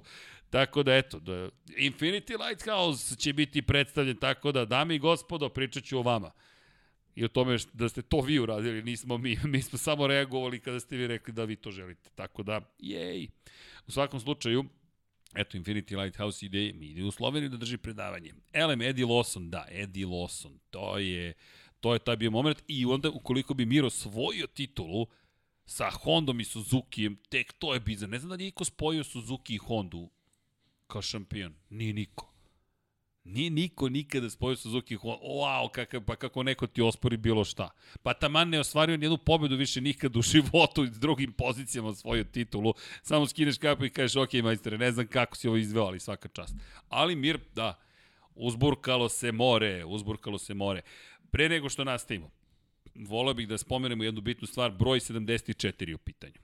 I propustio sam priliku da napomenem, Desilo se u 30. decembra 2021. godine, prošle godine se desilo, ali to je bio dan posle našeg prethodnog podcasta o motociklizmu, mada smo ušli u 30. decembar s legom. Nažalost, nisu lepe vesti, ali moram da ih spomenem, s obzirom na činjenicu da taj čovek obeležio 2006. godinu sa svojim sinom, Earl Hayden, nas je nažalost napustio. Nije vozač, otac je vozača brojnih, pre svega Nikija Haydena, i ona čuvena scena Nikki i Earl zajedno u u zagrljaju prosto u, u, u, u momentu kada je postao njegov sin šampion sveta će biti zaovek zapamćena. Moment kada ga je u Valenciji povezao se pamti. Earl Hayden, nažalost, je doživao jednu od onih groznih situacija da, da dete njegovo ode pre njega. Nikome to ne poželiti nikada. Earl Hayden, 74 godine imao kada nas je napustio. Prosto smatram, imam želju, obavezu kakvu god moralnu, sportsku, novinarsku da, da ga spomenem, zaista zaslužuje da, da i u ovom podcastu bude spomenut Earl Hayden.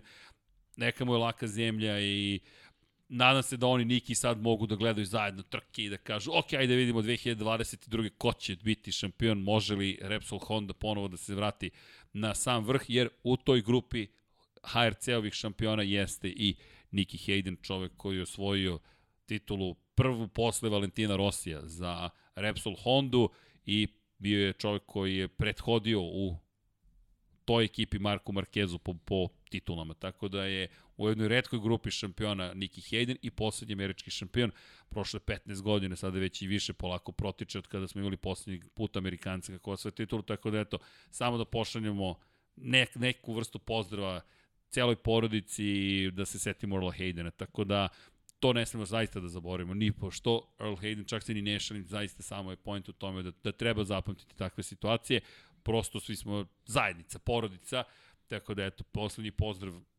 čoveku koji je koji je obeležio taj period. Inače, ne znam da li znate koje je bilo pravilo broj 76 porodice Hayden, to možete da vidite na fotografijama ovih dana, na fotografijama na kojima prikazuju zapravo Earla i Nike Haydena, bukvalno, rule, pa ide number, 76, no excuses, play like a champion. Tako da znate da su i Haydenovi podržavali Lab 76 i pre nego što je postao. I da si primetio. Eno je tamo, već stoji sa vin. Da, već stoji i da. Moramo da obavestimo ekipu iz šopa šta ih čeka. Komercijalne menadžere, ljudi, ide nova majica. Rule 76, number 70, play like a champion. No excuses.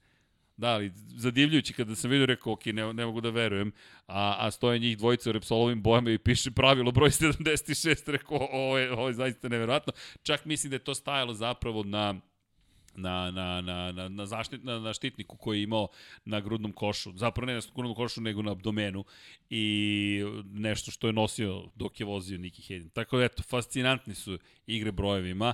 Idemo dalje, samo sam imao potrebu zaista da spomenem, a malo pre kada spomenjem sada i brojeve prema glasanju ekipe Lab 76, ko je šampion, to je ko je najbolji bio vozač godine prošle godine, Va, vi ste rekli dosta je jednostavno, Fabio Quartararo.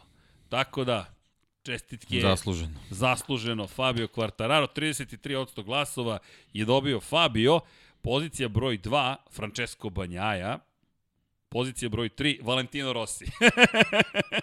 Očekivali smo i mi da će biti, da će Rossi ugroziti prvo plasirano. Nije baš, ali, ali eto, treće mesto za Rossija, četvrti inače bio Mark Marquez, na petoj poziciji Enea Bastianini. Verujem da ćete to obradovati, tako da je prošla godina eto završena i na taj način, tako da hvala vam što ste glasali.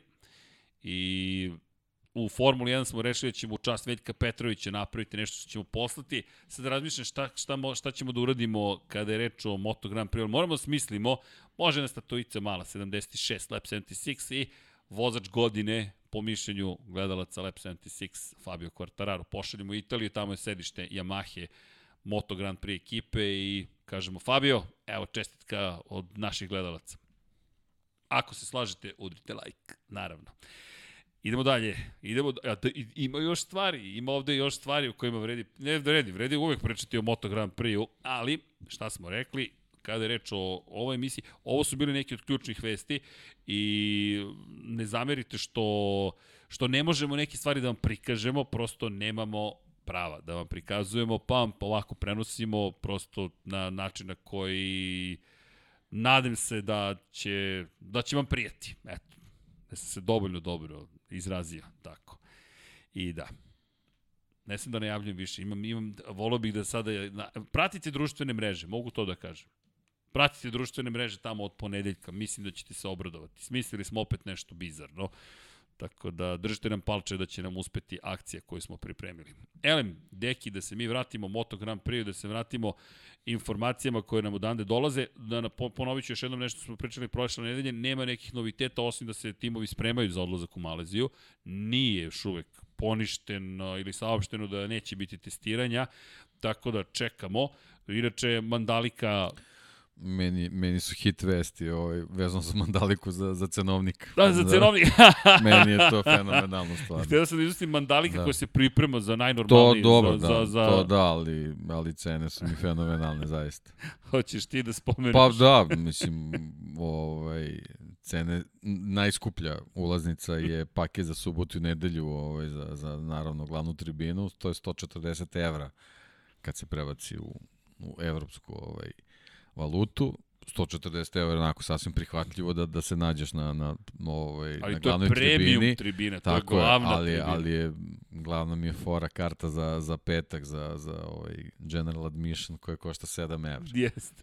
To mi je onako stvarno izuzetan gest, ovaj i živo me zanima da li, da li bi se to desilo da je, da je, da je normalna situacija, da nemamo ovaj, ovaj problem sa, sa pandemijom i, i mogu samo da zamislim ako bi bila potpuno normalna situacija koliko ljudi možemo da vidimo na stazi. To je stvarno fenomenalno. Da, Mandalika koja se takođe priprema za zvanični test od 11. do 13. februara ćemo ići i u Mandaliku, makar tako trenutno stoje stvari. To sam baš teo da kažem kako Mandalika se takođe priprema najnormalnije za nastavak sezone. Inače, što se tiče, tiče COVID-a, nemamo nikakve nove vesti, dakle držimo palčeve da smo i dovoljno naučili i da se da je dovoljno dobro urađena priprema da će sezona biti jedna od onih uobičajenih, hajde da je tako nazovem, ali ne znamo. Iskreno nema nikakvih pouzdanih informacija, sami možete da vidite da se to iz dana, iz časa u čas praktično menja šta dolazi od informacije i da li će zaista se nešto desiti ili se neće desiti, tako da to nema, ukoliko nas i budete pitali, nećemo vam dati neki mudri odgovor od onoga što ste već mogli da čujete. Mi držimo palčeve, to je sve što možemo da kažemo po pitanju COVID-19 i da će ova sezona biti otvorenija nego što je bila čak i prethoda koja je na kraju nekako došla do toga da bude dosta otvorena. U Valenciji srećom je publika mogla da prisustuje završiti sezone, u Portugali takođe, u Mizanu takođe, tamo pred kraj godine su se stvarno malo, malo stvari poboljšale, ali pogotovo ta Valencija i naravno oprošto je Valentina Rosija kraj sezone i sve što se događalo na, na poslednjoj trci godine. Inače, imamo i nove informacije u Moto E kategoriji, kada već spomenjamo malo pre Enel, kada spomenjamo električna vozila u, na Kataru, da Michele Piro je već o tome pričao, nismo prosto napomenuli, to se dešavalo prošle godine kada je testirao, ali ono što mi je bilo zanimljivo jeste što je izjavio zapravo da nemamo još tehničke informacije, ali ono što me oduševilo jeste da je rekao da je vrlo lak, lagan motocikl. I sad to negde je najveći problem koji moraju da reše kada je reč o Ducatiju, bilo kom proizvođaču električnih motocikala, pa mi je to vrlo zanimljivo da neki držim palče da su zaista nekako uspeli, da, jer to jeste zapravo ono što i verujem privlači i Ducati i Enel i sve ostale, ne samo nužno razvoju električnog motocikla. Marketički gledano fantastičan potez. Ko neće želeti da vozi robnu marku električni motocikl koji je Ducati, Honda, Yamaha, KTM, Aprilia, Suzuki, verujem da će svako to želiti. Kawasaki, birajte BMW, ali Ducati je prvi povukao potez kao velika robna marka, kao veliki proizvođač.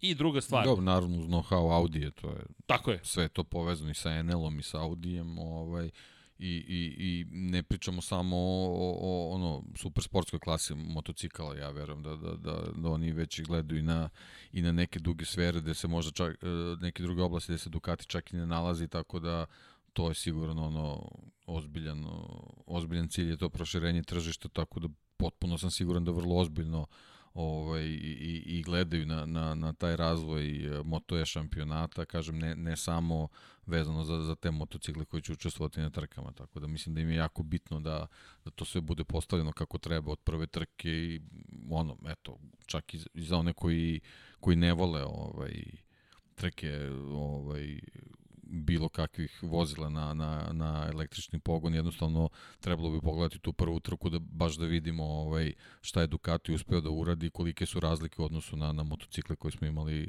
u prošle sezone. Vidi, ja moram ti priznati da, da jedva čekam još jednu stvar, a to je da vidim razvoj tehnologije koja će biti primenjena u Moto E klasi iz perspektive baterija pre svega, kako će uticati na celu grupaciju, kako će uticati na Ducati, kako će uticati na sve ostale, jer kao što si rekao, kreće od Audi, ali ovo je sad ozbiljno prikupljanje podataka na svim mogućim mestima, a što se tiče komercijalne upotrebe, pa, svi čekamo da vidimo, za, ja, zapravo mene živo zanima kako će rešiti pitanje infrastrukture, ne toliko pitanje vozila, kada pričamo o nekoj široj slici, ali da se zadržimo na trkama, to je... To je, to je neka stvar, ono, za, za budućnost i za, za neke analize, a sam razvoj tehnologije će možda verovatno dovesti do, do, do nekih rešenja, ali kao što kaže, se vratimo na trke i eto, mene pre svega vezano za Moto šampionat zanima kakvu će razliku doneti Ducati u odnosu na, na Energiku koju smo imali u 21. Dosta je teška bila Energika, naravno nije imala podršku koju ima Ducati, nije deo te takve tako konglomerata, prosto i, taj, i grupe praktično kompanija, da se vratimo i na Muni, kada pripadate većoj grupaciji, kako stvari neke mogu biti lakše. Elektromotori u svakom slučaju sve više i više dolaze do izražaja, ali mi nekako pamtimo i dvotaktaše i četvorotaktaše, pa eto, to je neki taj raz 2T, 4T, E. Od prilike. Da. Inače, od novih vesti, to se manje više završava ono glavno, priča o Repsol Hondi Joanu Miru je zaista najveća priča. O Danilu Petrućiju ja se nadam da ćemo pričati ponovo neke neke sjajne stvari. Što se tiče Marka Markeza, samo bih napomenuo da manje više niko nema pouzdanu informaciju o tome gde, kada, šta će se desiti. ono što svi pratimo, bukvalno svi mediji jesu njegove društvene mreže i tu možemo da vidimo da je aktivan, da se vratio treninzima, držimo palčeve prosto da je diplopija nekako, neću reći stvar prošlosti, ali nadam se da će uskoro biti stvar prošlosti. Da dvostruki vid je zastrašujuće zapravo cela ta ideja i njegova psihička snaga me zadivljuje i on i dalje smiren, dovoljno fokusiran i spreman čini se da se vrati, vrati da se zaista vrati u igru. Tako da eto, dobro je vidjeti ga da ponovo trenira. Da, da. U, u svakom slučaju ovaj i, i kao što si rekao mislim ne, njegova njegova energija i, i glad jednostavno da da se vrati na na stazu je neverovatno to smo videli po povratku na, nakon ovaj te te te prve teške povrede gde su apsolutno prognoze bile uh, gotovo u suprotnosti sa onim što smo videli na stazi kad se, kad se on pojavio. Videli smo da tu postoje neki problemi, ali on je uvek za, za određeni procenat bio iznad svih prognoza. Nikad, nikad se nije uklapao u tu priču ili, ili da je bio ovaj, u, u nekoj situaciji da, da je ispod, ispod nekih ovaj, prognoza i očekivanja. Tako da, da verujem da i u ovoj situaciji ćemo od njega dobiti više nego, nego što bismo mogli da, da očekamo od bilo koga drugog, ali ovaj, da se vratimo na onu priču smo pričali, mislim, vezano, vezano za njega i za sve ostale vozače, najvažnija stvar je da vidimo kako će se, da, da se reši ta, ta situacija. Sad, ne mogu da kažem možete prelazni rok, mislim, može da se koristi jedan prelazna godina, jer mi bukvalno imamo imamo situaciju, ja mislim, znači Marquez ima do 24. ugovor, Binder ima do 24. ugovor i Morbidelli do 23. čini mi se svi ostali vozači, to jest svim ostalim vozačima ugovori traju do, do 22. godine. Znači, mi ćemo bukvalno imati sledeću sezonu od prve trke vozači će uh, nastupati za rezultate, ali će nastupati pre svega da bi, da bi sebi obezbedili dobre ugovore od 2023. godine. A ne mislim da će se sve, sve i dešavati kad krene sezona i tamo negde, kako si rekao, već maj. Uh, ovaj mesec, nego možda baš i, ovo, i ovom periodu prezimskih tes, testiranja možda bude neki turbulencija koje ne očekujemo što će nama dobro doći, ili će imamo ni super teme za podcast. Naravno, a imamo još jednu temu pre nego što krenemo na pitanje i odgovore, a to je informacija kada smo pos... videli ste onu fotografiju Valentino Rossi u Ferrariju. Valentino Rossi trebalo je da bude u još jednom Ferrariju, konkretno u GT3 Ferrariju 488, za 12 časova zaliva na stazi Jas Marina. Međutim, Valentino Rossi u karantinu, imao je kontakt sa osobom koja je zaražena COVID-19 i prema informacijama motorsport.com, tačnije autosporta, neće moći da vozi, ostaju Luka Marini i Alessio Salucci. Alessio Salucci poznati kao učio, kao vozači na 12 časova zaliva, tako da, nažalost, prva trka u 2022. za Rosija nije ni počela, neće ni početi tako rano kao što je očekivao i to je veliki gubitak naravno za, za samu trku, pošto je on opet ta zvezda koja je trebalo tu da vozi. Fascinantno da je Luka Marini sa njima, ali Luka ima vezu kod šefa ekipe da mu da dozvolu da, da nastupi u, na, u Ferrariju. Tako da, eto, Marini, Rossi, Salucci, ja mislim da se oni sjajno zabavljaju. Deki, to je kao Paja ti i ja, da sednem i kažem, da. e, idemo da vozimo 12 časova Pa ne, eto, zaliva čekamo da, da popunimo ovu zelenu stolicu, da, da Miloš Pavlović konačno dođe i da, da čujemo iz prve ruke te priče vezane za, za endurance trke, posebno trke koji imaju taj, taj noćni deo, to je onako verovatno i za vozače, u stvari za njih je pre svega neverovatan doživljaj. Svi na tribinama se super zabavljaju, ali vozačima mislim da je to onako stvarno fenomenalna stvar. Čekamo ga. Čekamo Miloša Pavlovića, čekamo sa velikim nestrpljenjem, moram da ti priznam, ali dobro. Doći će Miloš. Držimo, zelena stolica, mora da ostane. To su od, odgovarajuće boje ovom Odgovarajuće. Odgovarajući su. Da, apsolutno. da, to je ta stolica. Čekamo, čekamo da nam se pojavi. Jedno je tamo i Alisa u zemlji čuda. Svašta nešto imamo u studiju. Novih stvari je stiglo. Inače, Marina, hvala još jednom za Ferrari. Juče je proradio Ferrari najzad iako ima elektropogon, ali je profunkcionisao. Deki je čak obezbedio elektropogon, odmah da znate, to je baterije za elektropogon. Elem, uh, ovoga puta nećemo ništa da sklapamo, mislim da smo sklopili dovoljno za, za prethodnu godinu, mada, ko zna, ima tamo još jedan Saturn 5, to nas čeka 1969 delova ima, pa eto, možda napravimo jednu posebnu emisiju sklapanja, pa znate šta vas čeka kada je reč o Motor Grand Prix. Izvolite, ukoliko imate pitanja, samo napred, mi smo tu. Spremni, voljni, zadovoljni što je nekako sezona počela, imamo lep osjećaj nekako da, da stvari dolaze na, na svoje, mogu, možemo reći. Uskoro će početi predsednička testiranja, kao što si rekao, bit će tu neki na zanimljivih momenta i lepih informacija. Tako da eto, ko ima pitanja, prvo udrite like, naravno, udrite, možete i join, možete da udarite i subscribe, šta god želite i to je to. Eto, da vidimo pop-out chat, pa da vidimo gde smo. Evo, poslaćemo vam jedno čao svima i cool dekija. Ćao svima. Eto, ko se učlani ima i posebne, posebne momente. Da im deki cool. Da, ti si deki cool. Kako da, e, da vidimo ognjene koju, nismo spomenuli zemlju u podcastu. Kaže Ognjen, niko da spomene, da, ne, da spominje tu zemlju, po, ne, nisam ništa sad. Sad nisam upao sam u neki razgovor. I tako dalje. Čekamo pitanja. Ali verovatno kasnije informacije o tome da smo počeli sa pitanjima. Kristijan Tustanovski, čao i vama, tako je. Da li je rano da kupim kartu za Red Bull Ring i koje mesto mi savjetuje Anđelina Vasilić? Anđelina nije nikad rano da kupite kartu. Ako, mi, ako se plašite da li će vam biti zbog novca, to, e sad to pitanje je nemoguće. Na to pitanje zaista ne sam da vam odgovorim da, s obzirom na činjenicu da je to nemoguća misija. Zaista ne želim da vas dovedem u situaciju da kupite nešto i da se onda pitate da li ćete dobiti pare nazad, ali ako da je neka normalna situacija, ja bih vam savjetovao odmah da kupujete. E sad, koje karte da kupite?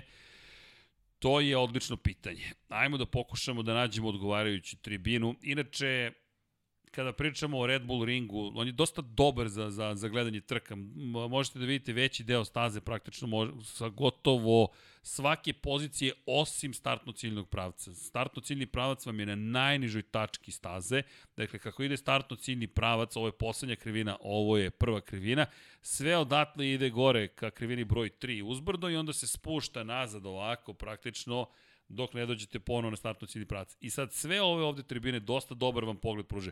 Ovde možete dosta toga da vidite, ali uzmite obzir takođe da su to da je to jedna od najbržih staza i kratak je krug, često prolaze pored vas, tutnji sve, nalazite se u Alpima, zaista izgleda, izgleda impresivno I ne samo to, način na koji je organizovana trka je vrlo dobar, kućice su gde god da odsednete kao da ste u nekoj bajci. To otprilike tako izgleda idilično, još ako vas posluže vremenski uslovi, pa je to sunčan dan u planinama, na 700 metara nadmorske visine ste, lep je vazduh, sve nekako čisto, fino, sređeno, skockano, dobar utisak. Zaista dobar utisak, Brno više ne postoji, Mađarska još nije završila svoju stazu, čekamo, vidjet ćemo da li će završiti, nadamo se, držimo palčeve, tako da topla pre... Zavisi šta želite da vidite. Ako čekate poslednju krivinu poslednjeg kruga, jednostavno je. Kupujete kartu dole, Inače, ni, čak ni to ne moraju da budu loše karte ako, se, ako hvatate krivine 9 i 10. Samo pokušam ovde da mi se učita sad website da vam kažem tačno koja je to tribina. Ali, dok se učita, ajmo da idemo na neko sledeće pitanje. Uh, da vidimo, da vidimo. Ušišću, dok sam ja pogledao ovo, to je krenulo. Što se tiče startno ciljnog pravca na Red Bull ringu, i dobro je mesto pre svega zbog akustike. Znači, natkrivena tribina, sve je blizu i tamo se sve fenomenalno čuje zaista. Da, da što se tiče da, zvuka, tutnji ko, sve. Ko želi da, da, da, tutnji. da, ovaj, da nahrani uši sa zvukom, da. startno ciljni pravac Red Bull Ring za bilo koji šampionat. Ja sam Inače. tamo imao sreće, gledao sam i Formulu 3, tad je Max Verstappen vozio Formulu 3 i bio, bio je DTM šampionat, znači stvarno fantazija. Ovo što Deki kaže, dodajte još jedan aspekt na startno ciljni pravac, a to je aspekt koji imate petkom i subotom. Nedeljom ne. Gledanje garaža. Zavisi šta volite, šta želite da, da, da steknete kao utisak ili da doživite.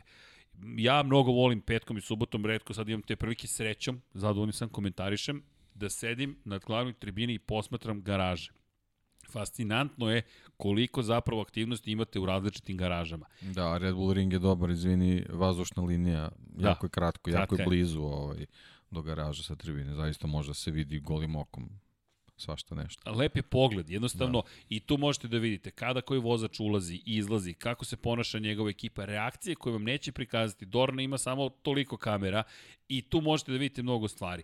Potom da se pomerite za moto dvojke pa moto trojke, tako da je to jedan lep aspekt koji vidite samo na startno ciljnom pravcu. E sad, start trke, ako hoćete buku i to što deki kaže da se nahranite, spremite se, ali vodite računa zaista o sluhu. Mi govorimo o motorima koji proizvode u, pri njihovoj neposrednoj blizini preko 110 decibela. Ljudi, to je jumbo jet. Sad zamislite kada imate 22, 24 od sledeće godine jumbo jeta koji poleću pred vama, budite oprezni kada je reč o sluhu. Naravno, ukoliko želite trenutak koji pamtite za ovek, možete i bez bilo kakve zaštite, zapamtit ćete ga, ali jeste neverovatan utisak. Inače, evo kao, rano, e, komentar, rano smo krenuli s pitanjima, pa dobro, ali hoćemo malo da vas uključimo u poslednje vreme, dugo nam traju podcasti, pogotovo za Formula 1, pa, pa hoćemo da iskoristimo priliku. Naravno, imamo i naše Patreone, ali da odgovorim evo na još par stvari. Očekivanja Daniel Devetak od Morbidelija, tipujem na njega kao vozača iz senke za titulu. Pa, da, da li uopšte u senci?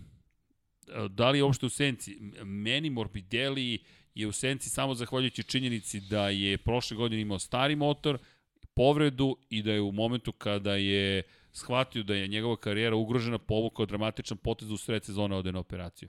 Ali mi nije u senci, mi smo ga istakli koliko je moćan tim Yamahe, mi, Yamaha je staromodna, to ne znači da je to loše. Lin Jarvis redko menja vozače.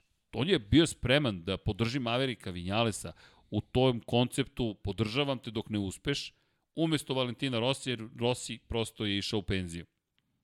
Ali, nije dobio to što je želeo od Maverika Vinjalesa, inače prokomentari su da prosto mora da reši svoje neke unutrašnje demone Maverick Vinales, tako da meni M1 fabrički tim, to je Yamaha, fabrički tim deluje moćno, zahvaljujući baš tome što će tu biti Morbidelli, jer uzmite obzir jednu stvar, u Petronasu je trebalo on da bude vodeći vozač. Došao je Quartararo, preoteo tu ulogu, onda je Quartararo postao vodeći vozač, a pobedio ga je u direktnom duelu te sezone, 2020. Franco Morbidelli.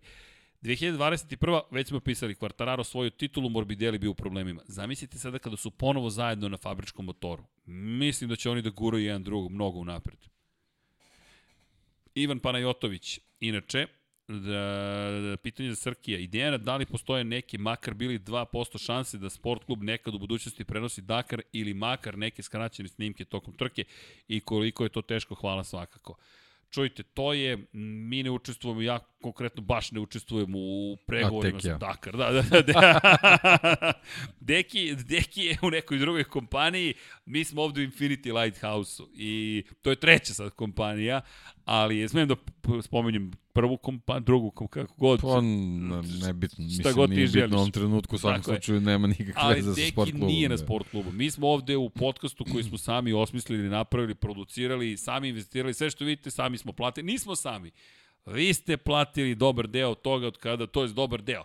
Čujte, svaki dinar koji ste uplatili, euro, dirham, dolar, kunu, konvertibilnu marku, šta god, mi smo potrošili na to da unapredimo studiju na ovaj ili onaj način. Tako da, da, mi investiramo dosta svog vremena, para, čega god, živaca porekada, kada, kada treba naći dobavljači i tako dalje, ali sve to zadovoljstvo, tako da zapravo vi zajedno sa nama stojite iza Infinity Lighthouse, tako da mi ne možemo da vam kažemo o mnogo tome. Da, ja radim takođe na sport klubu, ali nisam pregovarač za prava, tako da ne znam, ono što mi radimo, dosadni smo direkt, direkciji, direkciji trke. Dosadni smo zapravo ljudima koji o tome odlučuju i tražimo da kupe prava, tražimo da daju više vremena automoto sportu, dosadni smo, uporni smo, ali znate kako to funkcioniše? Obično popustite onom dosadnom, tako da naša cijela filozofija se svodi na to da budemo dosadni i, da, i to je to. Ali i što vas više gleda, i prati ovaj sport, to su već šanse da se nešto desi. Za Dakar ne znam. To mi je sad pitanje ko ima trenutno prava. Pretpostavljam da je Eurosport vlasnik, ne, ne znam. Da li su ekskluzivna prava ili nisu ekskluzivna prava. Da li se to isplati sport klubu ili se ne isplati. Gde emitovati i kada emitovati. Tako da mnogo je pitanja, nemam sve odgovore, ali Ivane, mi ćemo preneti vašu želju da to postoji. Tako da eto, to možemo da uradimo. I da se vratimo pitanjima u četu. Dobro, ovde je komunikacija, Anđelina do sada, dobro, Srki pita i Deke za Đokovića. Pa ne, pa, mislim, možemo da pričamo o tome, ali znate šta, ja ne bih otvarao tu temu, zato što imate Wish and Go, ukoliko... Na, nažalost nije sportska tema. Da, nije sportska tema. Mi ovde pričamo o saveznoj državi Australiji, to su njeni potezi, njene odluke, organizatora takođe, ali ja vam preporučujem zaista and Go. Nebojša Višković, Ivan Govedarica, baš se bave tom temom. Mislim da su juče imali i specijal kada je saopšteno da Đoković dobio izuzeće i da ide u Australiju. Tako da pogledajte and Go. Ako to otvorimo kao temu... Pa mislim, odosmo... generalno nebuloza. Mislim, da, dosta tako, daleko. ako neko pita za, za moje mišljenje. Ali, da, pitaju za tvoje mišljenje. Ali generalno, eto, time treba se bavi ipak ljudi koji više od nas prate, prate tenis, ali kažem, eto, iz mog ugla, iz moje shvatanje vezano pre svega za, za, za za neki sport, ovo sve što se desilo je kompletno nebuloza, idiotizam potpuno. Eto, dobili ste mišljenje deki, evo, evo ja da dozvolim Zlatku gde sam ja na, na četu kao emoji, evo stigao i moj emoji, tako da znate. Da li očekujemo dominaciju, Branislav Dević pitao u 2022. godini. Ne čuju dominaciju Ducatija. A Ducatija? Da. Pa Ducati kao brend možda zbog broja motocikala, ali to apsolutno ne znači da će jedan, jedan vozač biti, biti dominant. Znaš šta mene zanima? Jorge Martin. Mene on zanima i potez Ducatija za Jorge Martinom. Mislim da oni u toj priči o potpisima za 2023 već sada moraju da počnu da razmišljaju o tome. Jer mislim da Jorge Martin ove godine planira da izvrši neki, nije to baš blitzkrieg, pošto ga svi vidimo, ali mislim da se on sprema i deluje mi da ima ono što imaju i Rossi i Marquez, dozu, rekao bih, nemilosrdnosti i spremnosti da, da ide uslovno rečeno do kraja da osvoji titul. Prošle godine on je bio vozač dvoj, broj 2 i to je rekao na prvoj trci. Plan Pramaka je da Joan Zarko osvoji titulu. Mislim da će ove godine plan Pramaka biti da Jorge Martin osvoji titulu. Jer Jorge Martin ima pobedu, Jorge Martin ima pol pozicije, Jorge Martin je bio bolji od Joana Zarka, a Zarko polako bojim se da ističe vreme. Jorge Martin ima veliko tržište za sebe Tako koje je Ducatiju potrebno. Tako je. Tako da mislim da će tu Jack Miller da bude zapravo pod ogromnom lupom i da ukoliko poput Pola Espargara ne izvede nešto čudesno, da će vrlo brzo Jorge Martin pa, dobiti da taj Da se izrazimo onako diplomatski, koeficijenti uspeha Jacka Millera biće drugačiji u odnosu na Italijane u Ducati. E, to si tako lepo rekao. To moram da ti priznam, to si baš, baš lepo rekao. Dakle, E, dalje, pozdrav iz Hrvatske, šta mislite kako će sezona F1 biti ove godine Kristijan Tustanovski? Kristijane, utorkom pričamo o Formuli 1, ali juče zanimljivo u četu pričamo o Moto Grand Prix, danas o Formuli 1. Kristijane, kratko, bit će spektakularna. Zaista mislim da će biti spektakularna. Već 2021. se tako završilo da vam je zagarantovana drama. Nekako će biti izmišljena ako ništa drugo, ali nova pravila su ta koja su toliko velika da mi nemamo pojma ko će se ljudi tu snaći. Tako da, ali samim tim mislim da je sezona uzbudljiva. Da pričamo o tome kako smo formula, jedino ukoliko dođemo u situaciju da jedan tim dominira, onda smo u problemu. Koji god to bio tim, nekako svi gledaju ka Mercedesu, ko kaže da Alfa Tauri neće biti novi Bron Grand Prix ili nešto slično tome. Tako da, mislim da će biti zabavno. Mladen Dukić kaže, čao svima, čao mladene, mlađen, mladen je svetioničar, tako da pozdrav za mladena, ima zelenu boju. Da vaše očekivanje od Bibijeli, to ono što smo rekli već, da, da očekujemo dosta od Morbidelli. Ja očekujem da, da bude taj koji je, ako ne rame uz rame, da bude taj koji juri i Kvartarara i Banjaju, pa vidit ćemo i mir gde će se naći. Da, samo je bitno da, da fizički bude potpuno spreman. Tako je. Mislim, trebalo bi već, dugo je, dugo je prošlo ovaj, od, od, od povrede i operacije i oporavak je bio dovoljno dug, tako da vidjet ćemo, ako budu bila zimska testiranja, tu ćemo već videti na kom je nivou. To je to, čekamo, bukvalno čekamo da Tako da vidimo. Je. Ima operaciju prednjih ukrštenih ligamenata, to je stvar Zimska koja... Zimska testiranja su bitne i za njega Jest. i za Markeza da, da, da pokušaju da se pojave tamo, tako je, tako svi ostali vozači ništa standardno, to je to. I pitanje zanimljivo, Nikola M. Kada je zadnji put Suzuki mogao istinski da parira Yamaha i Ducati u Honda u smislu samog motora, ne menadžmenta? 2000. godine. 2000. godine, kada je Kenny Roberts mlađi u svoju titulu u dvotaknoj eri. To je jedini put da se ja sećam, a verujte, dugo pratim Moto Grand Prix, profesionalno nas dvojica 26, to je 28 godina, pišemo o tome, Suzuki jedini put da ja pamtim da je bio imenovan za favorita i da je rame uz rame sa ostalima je bilo pred početak 2000. godine. U predsezoni Kenny Roberts i taj tim su toliko dobri bili da su svi pričali o tome da Kenny Roberts mlađi ima šansu da osvoji titul i to se desilo. Ja ne pamtim od onda jednu sezonu da je Suzuki bio konkurentan. Već naredne godine stigao, Rossi je već stigao 2000. ali 2001. se već prečalo Rossiju, potom je stvoren RC 211 dve četvorotakni, Suzuki tu zaostao, Kawasaki je zaostao, Aprilia je zaostao, Yamaha je zaostao, Honda ih je pojela, bukvalno, Ducati još nije ni, ni nastupao u šampionatu, 2002. ušao je 2003 i od to, tada imate eru Suzuki u kojoj su John Hopkins, izašla njegova knjiga, to je to je zanimljivo štivo, vidjet ćemo šta s tim da radimo, ali John Hopkins dakle vozio, Chris Vermeulen je vozio jedno vreme, Alvaro Bautista je bio usamljeni jahač tamo 2010. 11. godine pre nego što je Suzuki zatvorio vrata Moto Grand Prix programu, pa su posle to otvorili kroz Aleša Espargara i Maverika Vinjalesa, stigao je Andrea Janone, potom Joan Mir došao, stigao Alex Rins i to mi je to.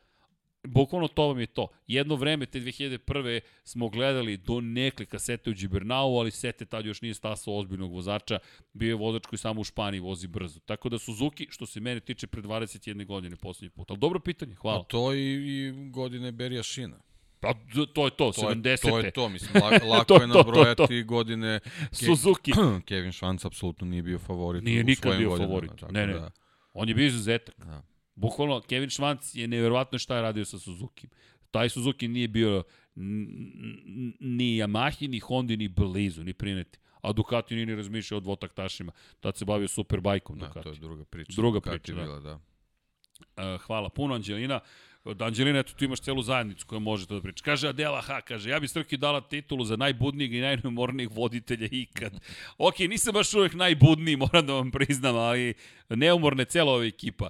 Mene možda čujete ili vidite češće, ali znam koliko Deki radi, znam koliko Dom Pablo radi, znam koliko Vanja, ekipa i td. ostali rade, ali imate u, u, u šopu tamo, i, i Rera i kompanija, skijam kapu, ti ljudi su neumorni, bukvalno trećeg popis, slanje paketa, jurnjava, pri čemu, odmah da vam kažem, ta ekipa nosi sve sama pošto se razboleo lokalni poštar, tako da sve nosi sami u, u prodavnici. Često ljudi zovu i danju i noći, subotom i vikendom, oni se tamo svi javljaju, tako da verujte, mene samo vidite, ali milion ljudi stoji iza svega ovoga, što nije baš milion, ali neki neverovatni ljudi svakako stoje. Ali hvala Dela, lepo je to čuti, ali evo preneću i ostatku ekipe. ovde diskusija malo o Formuli 1. Ko obezbeđuje gorivo, mazivo, gume, rezervne delove za sudionike Dakara? Nusmir Velađić pita organizator ili sve sam sudionik iz svojih sponzorskih sredstava? Pa koliko ja znam, e, gorivo uh, ulazi u cenu kotizacije za sve trkače, bez obzira na, na kategoriju, a sve ostalo je na, na ekipama. Ali Tako gorivo, da... gorivo pre svega zato što je logistički nemoguće tokom etapa mora da se da se doliva, ovaj to obezbeđuje organizator i i ovaj regulisano je plaćanje pre pre, pre to jest tokom prijave za, za, za nastup, sve ostalo je na takmičarima. Evo kaže, inače Josip Marović nije baš tako sa zvukom kako Srđan kaže, pretpostavljam na Austriju da mislite. Da, ja Ja baš ja, ja uživam sam, u zvuku da. tamo, moram priznati. Sad zavisi gde ste bili. Ne, meni Austrija da. baš po tome zanimljiva što zvuk jeste Startni pravac, da, u ostalo nije zašto se razbije. Ali, da, ali startni pravac. A da, okej, okay, možda ja preterujem, ja volim da. taj zvuk, ali ako da. hoćete zvuk, zvuk, zvuk, gde je najglasniji, opet startno cilj pravac u djelo, tu, tu baš puca na sve strane, pošto je, mada tu taj zvuk ne dobija, nije, nema taj efekt, su mnogo brzi. Ali da, izvinjavam se ako eto preteram Josipe, tako da dajte realističnije mišljenje, ja sve vidim ružičastim očima kada je reč o Moto Grand Prix. Ali evo što Deki kaže, startno cilj prac baš na sve strane puca. I impresivno je. Čak tamo prilaz devetoj krivini takođe tu je, tu je kanjon na neki način, jer prolazi između reda drveća praktično. Kroz šumu bukvalno prolazi. Gore trojka, četvorka, Pa, činjenica, Josipe, nije to taj isti zvuk kao što je na drugim mestima, što kaže Deki rasipa se. Ne zamerite, prosto to su moje oči. E, Vulović kaže pare neće dobiti nazad crki, tako da eto, vodite računa, nećete dobiti pare nazad. Da, tako da ne znam šta da vam kažem, niko ne zna kada će zapravo biti dozvoljeno publici, da li će biti dozvoljeno publici da ode na Red Bull ring. Znate šta? Sačekajte. Sačekajte s kupovinom karata onda. Jer razmišljamo o sledećem. Sačekajte da bude zaista potvrđeno da će biti održana trka sa publikom, jer prošle godine znam da je bilo karata i da je zapravo je pomama počela kada je Rossi tokom prve trke saopštio da ide u penziju. I onda su odjednom ljudi, ljudi pojurili. Tako da, mislim da možete da sačekate. Eto, to je samo kada sve ovo pročitam neki moj zaključak trenutno. E, Boško, čisto da se znam da mi je Fabio cele prošle godine bio u mom fantasy timu i nisam ga ni jednom bio izbacio. Po, to Boško, jeste me pobedili Boško? To je pitanje. Bravo. Um, dakle, šta još imamo? Ja sam preporučio KTM ili Rosijeva tribina. Ovde je komunikacija jedni između drugih. Pozdrav svima koji komunicirate. Komunicirate. Uh, Aleks Vulović, D10 je Srki, sad ko zna šta sam u tom momentu rekao. Uh, monografiju, uh, Mr. Veljko Srb, kada se očekuje uh, monografija Rosija? Radimo na tome da je tokom januara dobijete. Dakle, bukvalno ekipa radi na tome. Imamo još, pa, sad su malo sam se zakačili sad i odmori, ali to nije nikav izgovor. Dakle, čim bude u štampi, verujte, mi ćemo biti u Kragujevcu i imaćete fotografije prve. Kada stigne do štamparije, obično je potrebno još nekih 10 dana da se sve sklopi. Zašto? Pošto je monografija u pitanju malo je kompleksnija stvar. Lepljenje, sušenje, pakovanje, mislim da će manje trajati od kimija. Zašto? Kimi imaju i crno-bele strane i strane u boji, plus koricu sa srebrotiskom, plus omotnicu. Tako da to bilo najkompleksnije. Kod Rosija ne postoji omotnica, ide tvrd povez, ide e, srebrotisk, nemamo Tako da imamo klasičan praktično naslovnu stranu, imamo praktično tvrde korice i glavni praktično deo knjige koji je na jednom tipu papira, sve je u boji. Tako da bi to trebalo bude uslovno rečeno jednostavnije, iako je skoro 2 kg ima knjiga. Knjiga je onako impozantna je. Jedva čekam da stigne da, da možemo i da, da se pohvalimo i da se zahvalimo na poverenju i da vidite šta smo uradili, ekipa ovde je ponosna na knjige, ponosna na sve što radi, da čekamo da vidimo i to. Dekijeva je tu, ne mogu da kažem Karijeva je tu jer ne poznajem gospodina, ali okej. Okay. Znam samo Pešić. Nije pisao sigurno. to je, možda nešto drugo napiše, ali hej, eto ideje. Ali dobro, Kari Hotakainen je inače napisao Neotkriveni Kimira i Konen, Milica Očigrija prevela, autor Schumacher crveno i crno, izvini, deki, rušim ovde. Dejan Potkonjak je tu i Matt Oaksley, njega smo streli u Valenciji, koji nas je podržao i promovisao i knjigu. Nadamo se da će biti prilike Matt Oaksley da vidimo u studiju, ne Zoomom, ne Zoomom, nego da Matt Oaksley dođe ovde da priča njegove priče. Ali o tom potom, to će isto biti zanimljivo. To ćemo prevoditi ako se desi, ako se desi, bez prevoda, već ćemo da jel te, radimo simultano. Eto. E, da li možete da nas upravite u pravila da, Dakar relija, tehnička, kazne itd. itd. Luka, ako... Pa, pričao je da, ovaj, da, to, Gabor o tome, da, mislim da... Poslaću vam link sada o Ne znam da postoji pozvani osoba. E, da pa, ja moram da priznam da sam baš ponosan. Sad će cijela godina od kada smo radili taj podcast. To je podcast broj 68. Inače, ako odete, udrite like pošto je malo lajkova. I onda ne znam da li YouTube to promoviše ili ne. Evo, sad ćemo vam poslati. E, dakle, Luka... Jako e, zanimljiva priča o Dakaru generalno. Da, inače to je Lab 76 broj 68. I on tu baš priča kako funkcionišu mape, koga je sve sretao, kako on došao tamo, šta sve radi i tako dalje. I tako dalje. Uh, Zlatko Tajtan kaže, British Eurosport prenosi deonice Dakar i snimci kratki. Eto. Dakle, ka, Boris Trutin, kakve to veze imaju s Moto Grand Prix, pretpostavljam za Đoković, ali to smo već absolvirali. Pozdrav, sestri braća, pozdrav za Žana Vidan ili Zana Vidan, sad ne znam, ali pozdrav u svakom slučaju. Najjača tribina, Josip Marojević, evo tu su komentari, uf, čekaj, pobeže mi sad. Hoće li Skop prenositi mečeve Southampton ove sezone s obzirom na promenu vlasničke strukture? Nemam pojma, ljudi. Bukvalno nemam pojma. I to je sve što mogu da vam kažem. Ali zaista nemam pojma. Ja tamo se izgledam kao uljiz ponekad, pošto je samo gledam ako ima točkove. Ako nema točkove i nije američki futbol, nije da me ne interesuje, ali idem nekim svojim putem, tako da zaista ne znam, ali mogu da pitam. Da li mislite da Beštija može do pobede? Da. Evo, evo, molim vas, kadarna gospodina, to je taj osmeh. Pobednički osmeh, apsolutno, apsolutno može do pobede i verujem da će se to i, i da, da će se to i desiti uz njegovo samopouzdanje i uz podršku koju ima Gresini. Zanimljiva je taj priča o Gresini, ukoliko je Gresini dobio podršku kao porodični tim. Dorna je stala uz Gresini, Ducati je stao, uz Gresini.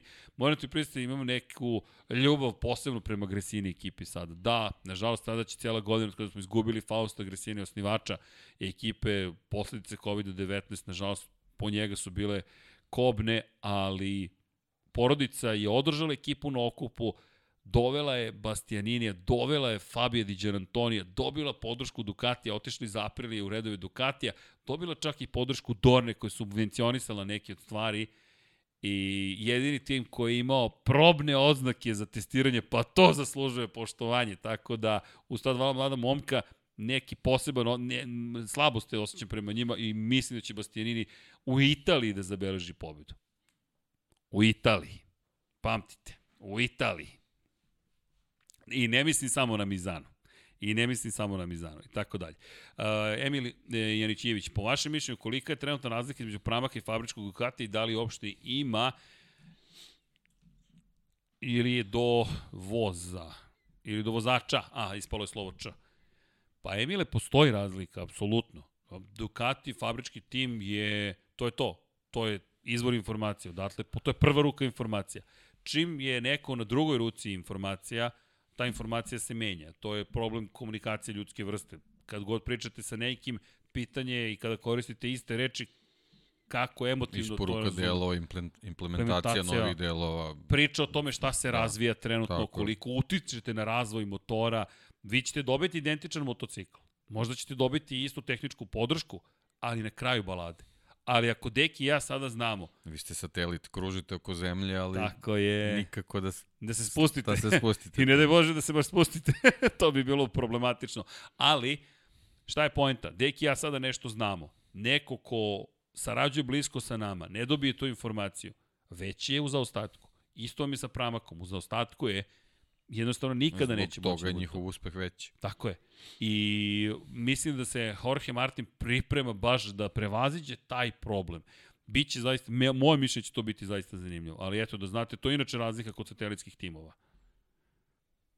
E, šta još imamo? Danas se desilo o Aston Martinu. Ast, Aston Martin, Otmar Schaffnauer je Pa dobro, da. očekivano napustio ekipu koliko god je poricao da menja tim. Ispostavilo se da, da sada ne znamo da li menja tim, ali znamo da sigurno više nije u Aston Martinu, ali to je to. E, Aki Vojke, imamo neko pitanje, šta je Mafabeko? Mafabeko? Mafabeko, to moram primetiti da sam sad zbunjen. A, Mark Fabio Peko. Šta mislimo, Jovana pita Atanasković o Mark plus Fabio plus Peko. Kao mislite, kombinacija tih vozača, pa to bi bilo soviše, ali ako mislite o njihovim duelima, pa Da, samo da Mark bude zdrav. samo Mark da se oporavi. Ako se on oporavi, ako dobijemo njega još, au, pa 2022. ljudi, o, treba da vidite neki osmeh na licu, pa to ima veći osmeh skoro nego kada Bastianini spomenemo, tako da to dovoljno govori. A, dakle, da čujem, a, da, inače izgleda da se nešto dešavalo, Aha, Đoković je poništena viza, zato se spominjao. Nisam znao. Iskreno nisam imao pojma, tako da... Sve je okej. Pa, da, ali čisto da znate da nisam, da, da ali eto, prosto držimo se dalje Moto Grand Prix. Da, da. apsolvirali smo, verujte mi. Verujte mi, gledajte Wish and Go, jer ne, ne, ne da ne želim da, da, da mogu u Wish and Go da dođem pa da pričam o toj temi eventualno, ali toliko malo vremena dobijaju Moto Grand Prix. Formula 1 sve više i više, Moto Grand Prix takođe sve više i više, ali ako uporedite koliko vremena dobijaju, hajde, sebično ću reći, naši sportovi, zaista bih da odvojimo svo moguće vreme za naše sportove. Nazovite me sebičnim, ali bukvalno, evo, mi smo zamislili sve ovo što radimo kako bi se više pričalo o Moto Grand Prix u Formuli 1. Planski, namerno, mi hoćemo pričamo s ljudima koje to zanima, e, hoćemo da, da, da se upoznamo, neću ni da ulazim u tu priču, stalno mi neko govori, niko to ne gleda, šta, šta koga briga za to i tako dalje, jer to mi je nekako negativan pristup životu. Evo, mi smo ovde, pričamo o Formuli 1, pričamo o Moto Grand Prix. Hajde da pričamo o Moto Grand Prix u Formuli 1. Da, velika je tema sportska, ali ovde želim da se bavimo zaista motociklizmom i, i, i, i prosto pričamo o tome šta se događa u našim svetovima. Ništa drugo, a Vision Go, toplo prekoru potražite, možda će, ne bi me čudilo čak i da dođu možda večeras ili sutra da, da rade specijal, da prosto to su pozvani ljudi da pričaju o tenisu, ali mi hoćemo pričamo o Formuli 1 i Moto Grand Prix. Da, pitam deki je za Aston Martin, pretpostavljam da je ovo vezano za Schaffnauer, ali neko je rekao da deluje da nisu dovoljno ozbiljni, ja mislim da su oni veoma ozbiljni, ali prosto neko je angažovao Schaffnauera, ko zna i kakav je odnos bio Schaffnauer. Da, je pitanje kakav je ugovor tu Tako bio je. i on, on je čovek koji je ostao iz prethodnog tima pre nego što je, što je i Stroll stigao. Tu, vratno i možda i on ima neke druge ideje, vidjet ćemo. Ne znam. Novac je u svakom slučaju prisutan, znači on nije, nije problem sad kakve su ovaj, ambicije Aston Martina po tom pitanju vezano za tu poziciju, vidjet ćemo. Inače, Nele Don kaže, izvini, dobro, jasno nam je da je Paja najveća lenčina. A, ne, ne, ne, ne, ne. Paja, čekajte, pod kapicom.com. Ja moram da pohvalim Paju, Paja, znam da se šalite, Nele Don, Paja nije, nik, ne, na Paja mnogo, ali iskreno, pogledajte pod kapicom podcast, čovjek je promenio opet, to je ta priča popularizacija Waterpola, pod kapicom je učinio kao koncept mnogo toga za Waterpolo. Toliko ljudi je bilo, mi, mi smo počastvovani što baš u ovom studiju Paja snima pod kapicom i mnogo nam je drago što, što imamo mogućnost da ugustimo sve te ljude. Pa je to uradio na jedan savršen način i zaista pod kapicom kao koncept je nešto što mene potpunosti oduševljava, tako da Paja vam je mega vredan. Eno ga, ja mislim da danas, ne znam šta danas komentariše, ali to je Paja, tako da, tako da bez brige. Inače, Idemo dalje. Evo jedno samo sa, sa Instagrama, da. ovaj, sad sam video tek uh, Muhamed Hajdari, skratit ću dugačko pitanje, ali, ali ovaj, Suština. složit ću samo da suštinu. O, jedno pitanje za Formulu 1, da li je pametno od strane Ferrarija vraćanje Toda, koliko god je odličan u obavljanju svog posla, zbog neke svoje vizije, a do sada je Binotto teže izlazio na kraj sa, sa dva igrača kao Vettel, Leclerc i tako dalje, sad Leclerc, Sainz i tako dalje. To ne dolazi na tu poziciju, to, to će da. biti na poziciji savjetnika i to je apsolutan plus za Ferrari, tako da ne verujem da je, da je u, ovom, u ovom trenutku Binotto na bilo koji način ugrožen, već naprotiv, mislim da, da će čak imati neko olakšanje uh, ovaj posebno zbog toga što se nije dobro snalazi u tim relacijama sa vozačima. Pa to je ono što si ti pričao i juče smo spominjali, to je po pandan Niki u Laudi da. na neki način. Jean Todt je vodio Jean Todt je bio timove. vrhunski menadžer. Tako je. Tako da to je možda ono što što će Binotu pomoći ovaj ovaj na neki način sa, sa pre svega njemu sa svojim iskustvom da da da neke neke kockice malo bolje složi možda ovaj nešto što do sad nije uspevao. Sad Jean Todt će sad apsolutno imati svo vreme ovoga sveta da se posveti Ferrariju, tako da, da mislim da iz tog ugla samo Ferrari ima plus. Slažem se, mislim da je to odlično za Ferrari. Jer dobijaš nekoga ko može da ti kaže mnogo toga. Ne vidim da u ovom trenutku ali... bilo ko u Ferrariju može da izgubi time što će imati Jean Todt za savjetnika. Kako god se zvala ta osoba. U ovom trenutku. Da, ne, ne samo to ti imaš nekoga ko će ti kao i svaki savjetnik reći nešto što ti možeš, ali ne moraš da poslušaš. Tako je. Ali ti olakšava proces donošenja odluke.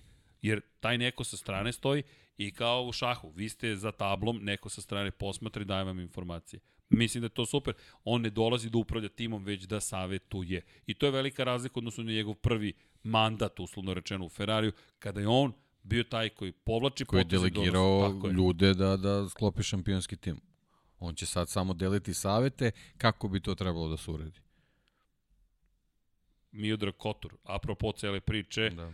Evo topla preporuka, mi se nadamo da tokom ove godine Stavi ćemo uspeti. Stavi taj link kada stavljaš linkove. Evo, stavljamo upravo, deki, evo već sam copy-pastovao, bukvalno, ko želi da posluša o, o tome šta je sve, šta sve radi Miodrag Kotor u Moto3 kategoriji, ali Ovo je prosto broj 156. Inače, pogledajte i Lab 76 155, iako je to najava zapravo u Formuli 1, kada govorimo o Miodragu Kotoru, bio nam je gost u broju 155 i neverovatne priče koje je pričao u jednom i u drugom. Zašto? On je prvi zaposleni, inače bio Žana Toda u Ferrariju. Tako da govorimo o nekadašnjem direktoru logistike ekipe Ferrari, o preozbiljnom gospodinu kome šaljemo ogromne pozdrave i zadivljujuće kada pogledate šta sve taj čovjek zna i šta je sve i za nas učinio iz perspektive toga koje znanje podelio. Tako da je to topla preporuka, pomislim da će pomoći i u razumevanju ovoga. Da idemo dalje, samo da vidim gde, gde smo i tako dalje, pošto mi pobegne ponekad scroll. Uh, neću da se dobro, Srki sa kojima sluša, sa očima sluša zvuk. Aha, Vjerojatno sam re... ok, ružičaste su mi uši. Pretpostavljam da to taj moment. No, ali pozdrav za cijelu ekipu. Uh, ja, ja sam pobedio sam vas, Srki. Čestitam, Branislav Dević. Evo, ispričali smo i to za, uh, za knjigu. Imaš i pitanje za tebe, kada će Sena? Tako da... ali to, on će mudro ćutati. 21. marta. Opa! Erceg, drago mi je. Potkonjak, vi ste kolega Potkonjak. O, hvala. Hvala. Dobro. Ovo je, ovo je bum iza nas. Bum. Palo je ovde odjednom, tako dalje. Srdačan pozdrav od Hajduka i Uskoka. Marko, Marko, nismo te zaboravili za nagradu za, pobed, za pobedu. Moramo da nađemo i onog drugog pobednika što nam je uskočio ili ga se javio. To, svi su se javili. E sad, šta ćete dobiti? Pa to je iznenađenje jedno veliko. Čak i ja ću da ćutim, pa vi vidite. Ali nemojte da brinete, to ćemo da, to ćemo da, da to već rešavamo. Petar HD, mišljenje o Deninu Binderu za 2022. sezonu i na koliko godina ima ugovor. Ima na Biće jedno. zanimljivo, da. Biće zanimljivo, ima na jednu. I njemu s opcijom i nama. da se produži, ali mislim da se on ne pita za opcije da je on toliko srećen što je dobio taj ugovor, da je sve u redu. Ali sačekat ćemo da vidimo. Znate šta, Južnoafrička republika je jedna zanimljiva zemlja. Mene, mene zanima sada dva Južnoafrikanca u Moto Grand Prix. To je, ako možete da pogledate dokumentarce, ima tu zaista zanimljivih momenta u Južnoafričkoj republici i moram da priznam da bih volio da je postavim da vidim koliko su popularni uopšte u Južnoj Africi. Da li se zna za Moto Grand Prix, kakva je situacija tamo, ali eto, Brad i Derin zajedno. Šta da očekujemo? Nemamo predstavu, verujte. Dok ne dođu prva testiranja, hrabar je svakako. Da li je spretan na motoru? Jeste. Da li u gužvi ponekad je previše željan uspeha? Jeste.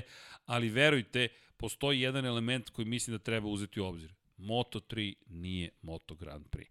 Ni Derin Binder nije neki momak koji je tek tako se pojavio u šampionatu, nije psihopata svakako, nije neko ko, da li će biti incidenta, pa nadam se da neće, iako ih bude da će biti na nivou onoga što očekujemo od Novajlija. Ali ja duboko verujem da je on svestan da sada seda na nešto potpuno drugačije odnosu na Moto3 motocikl. O, ovo, to jedno veze s drugim praktično nema. Mi govorimo o to, motorima od preko 300 konjskih snaga. Mi govorimo o krem de la krem vozačkog umeća. I verujte, ukoliko on ne bude dovoljno fokusiran, fizički pripremljen, psihički stabilan, nećete ga ni videti u trci. Zašto? Pa neće imati s kim da se trka. Biće na začelju. Ovde jedan sekund za ostatka, ljudi, vi ste 20. Pa seti samo šta se desilo Titu Rabatu. Bukvalno. To je ono najbolji, najbolji primer za ovu novu generaciju motocikala i novu generaciju ovih šampionata gde, kao što kaže, da bukvalno moraš da budeš u sekundi. Bukvalno moraš da budeš u sekundi. Sada nema više te igranke. Sek, sekunda je drugi univerzum. Bukvalno drugi univerzum. Ako imate plus jedan pokraj svog imena tačka nula. Niko ne priča o tebi. Ne, ne, ne možemo ni da stignemo da pričamo. To je jednostavno, koliko god želimo da ispoštujemo, nemoguće. Inače, Edo, Edo, tko ne gleda MotoGP, dođite u Istru, Toprak preporuka. To zaživjela je Toprak preporuka. E, ta majica mora da se pojavi, Toprak preporuka. Imam ovde poruku da je stiglo još jedno Patreon. Sad ću, uh, pa, Patreon, Aha, da li čitam pitanja? Jao, to, Dom Pueblo, Dom Pablo zapravo. Dobro, neće čovjek Vreme na da mene. se polako odjavljujemo, ja mislim. Ulazimo inače u pogrešnu zonu vremensku. A, hoćete, molim vas. Inače, ko još nije Patreon, ko nije pokrovitelj, ova nedelja je idealna do sledećeg utorka, do ponedeljka da to postanete. Zašto? Gospodin Pavle Živković, čiji emoji ćete upravo dobiti, Dakle, ovaj gospodin naredne nedelje čita imena pokrovitelja sa Patreona. Pa vi vidite kakva je situacija. Don Pablo, hoćemo da ispoštujemo ljude, da, nova je godina, ali se zavisi koji kalendar koristite. Ako gledamo kineski čak, možda će ovo i potrebati, ko zna. Ili da li gledamo mi kalendar takmičenja u Formuli 1 i Moto Grand Prix-u. Elem, pokrovitelji, Infinity Lighthouse-a, to nam omogućava, vi nam omogućavate da svetlimo još jače na patreon.com kroz Infinity Lighthouse. Ići ću od desna na levo.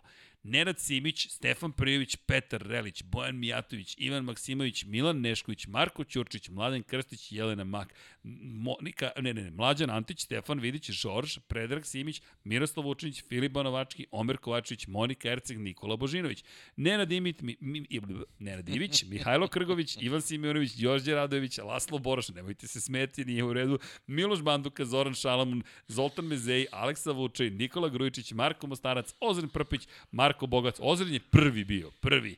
Ozren možda većim slojima da ga napišemo.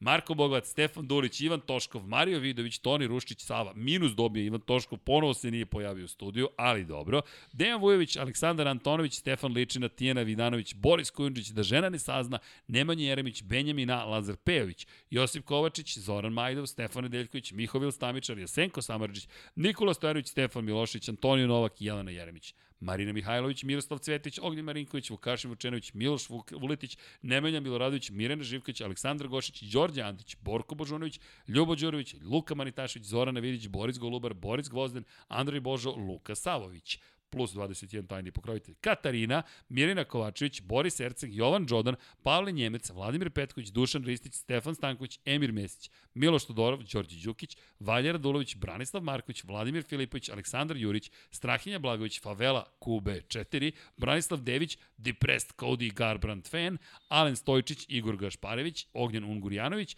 Ertan Prelić, Bojan Markov, Dejan Đokić, Žarko Milić, Aleksandar M, Vukašin Jekić, Nenad Đorđević, Branko Bisački, Milan Ristić, Igor Vučković, Aca Vizla, Aleks Jelić, Đole Bronkos, Nemanja Zagorac. Da li mi verujete da zaista imam utisak kao da mi se ploča pokvarila i ide unazad nekako jer sam toliko navikao. Minut 47, je to novi rekord, Deki? Moj trener, Deki the coach, imaš i Jimmy the coacha. Tako da, eto, nadam se da, da smo uspeli neke stvari. Hoće on Srki biti tu kada se bude čitalo. Ko? Adela H.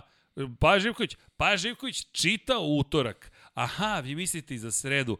Au, Adela, kakav je to sada pakleni plan. Vidjet ćemo da li Paju možemo da dobijemo za sredu, pošto obično na sport klubu u to vreme. Ali, da li bi mogao da snimimo Paju kako čita? U utorak i onda ga pustimo u sredu, deki. Šta kažeš na to? To je idealno. I da ga snimamo sa dve kamere, slika u slici. To ćemo da napravimo. Slika u slici, dok čita da se vidi Paja. To. Tako da, ko želi, eto, Pavle Živković čita. Srki, gde ići na trku Formula 1 ili Moto Grand Prix? Da li ići na stazu u Nemačku? Da li vredi? Kako ide proces kupovine karte? Pita Pelak. Au, ovako. Moram da priznam da što se tiče doživljaja uživo, idite prvo na... Ne. Sad, znate kako? Da li želite veći udarac na čula, prvo ili drugo? Od toga vam zavisi šta želite. Formula 1 je spektakl. Moto Grand Prix vam je kao vreme plov. I iskoristite priliku dok još to traje. Dok su motori s unutrašnjim sagorevanjem prisutni, ne šalim se, polako ulazimo u njihovo poslednje doba. Hteli, ne hteli, to će se desiti. Sad je moment da idete na Moto Grand Prix.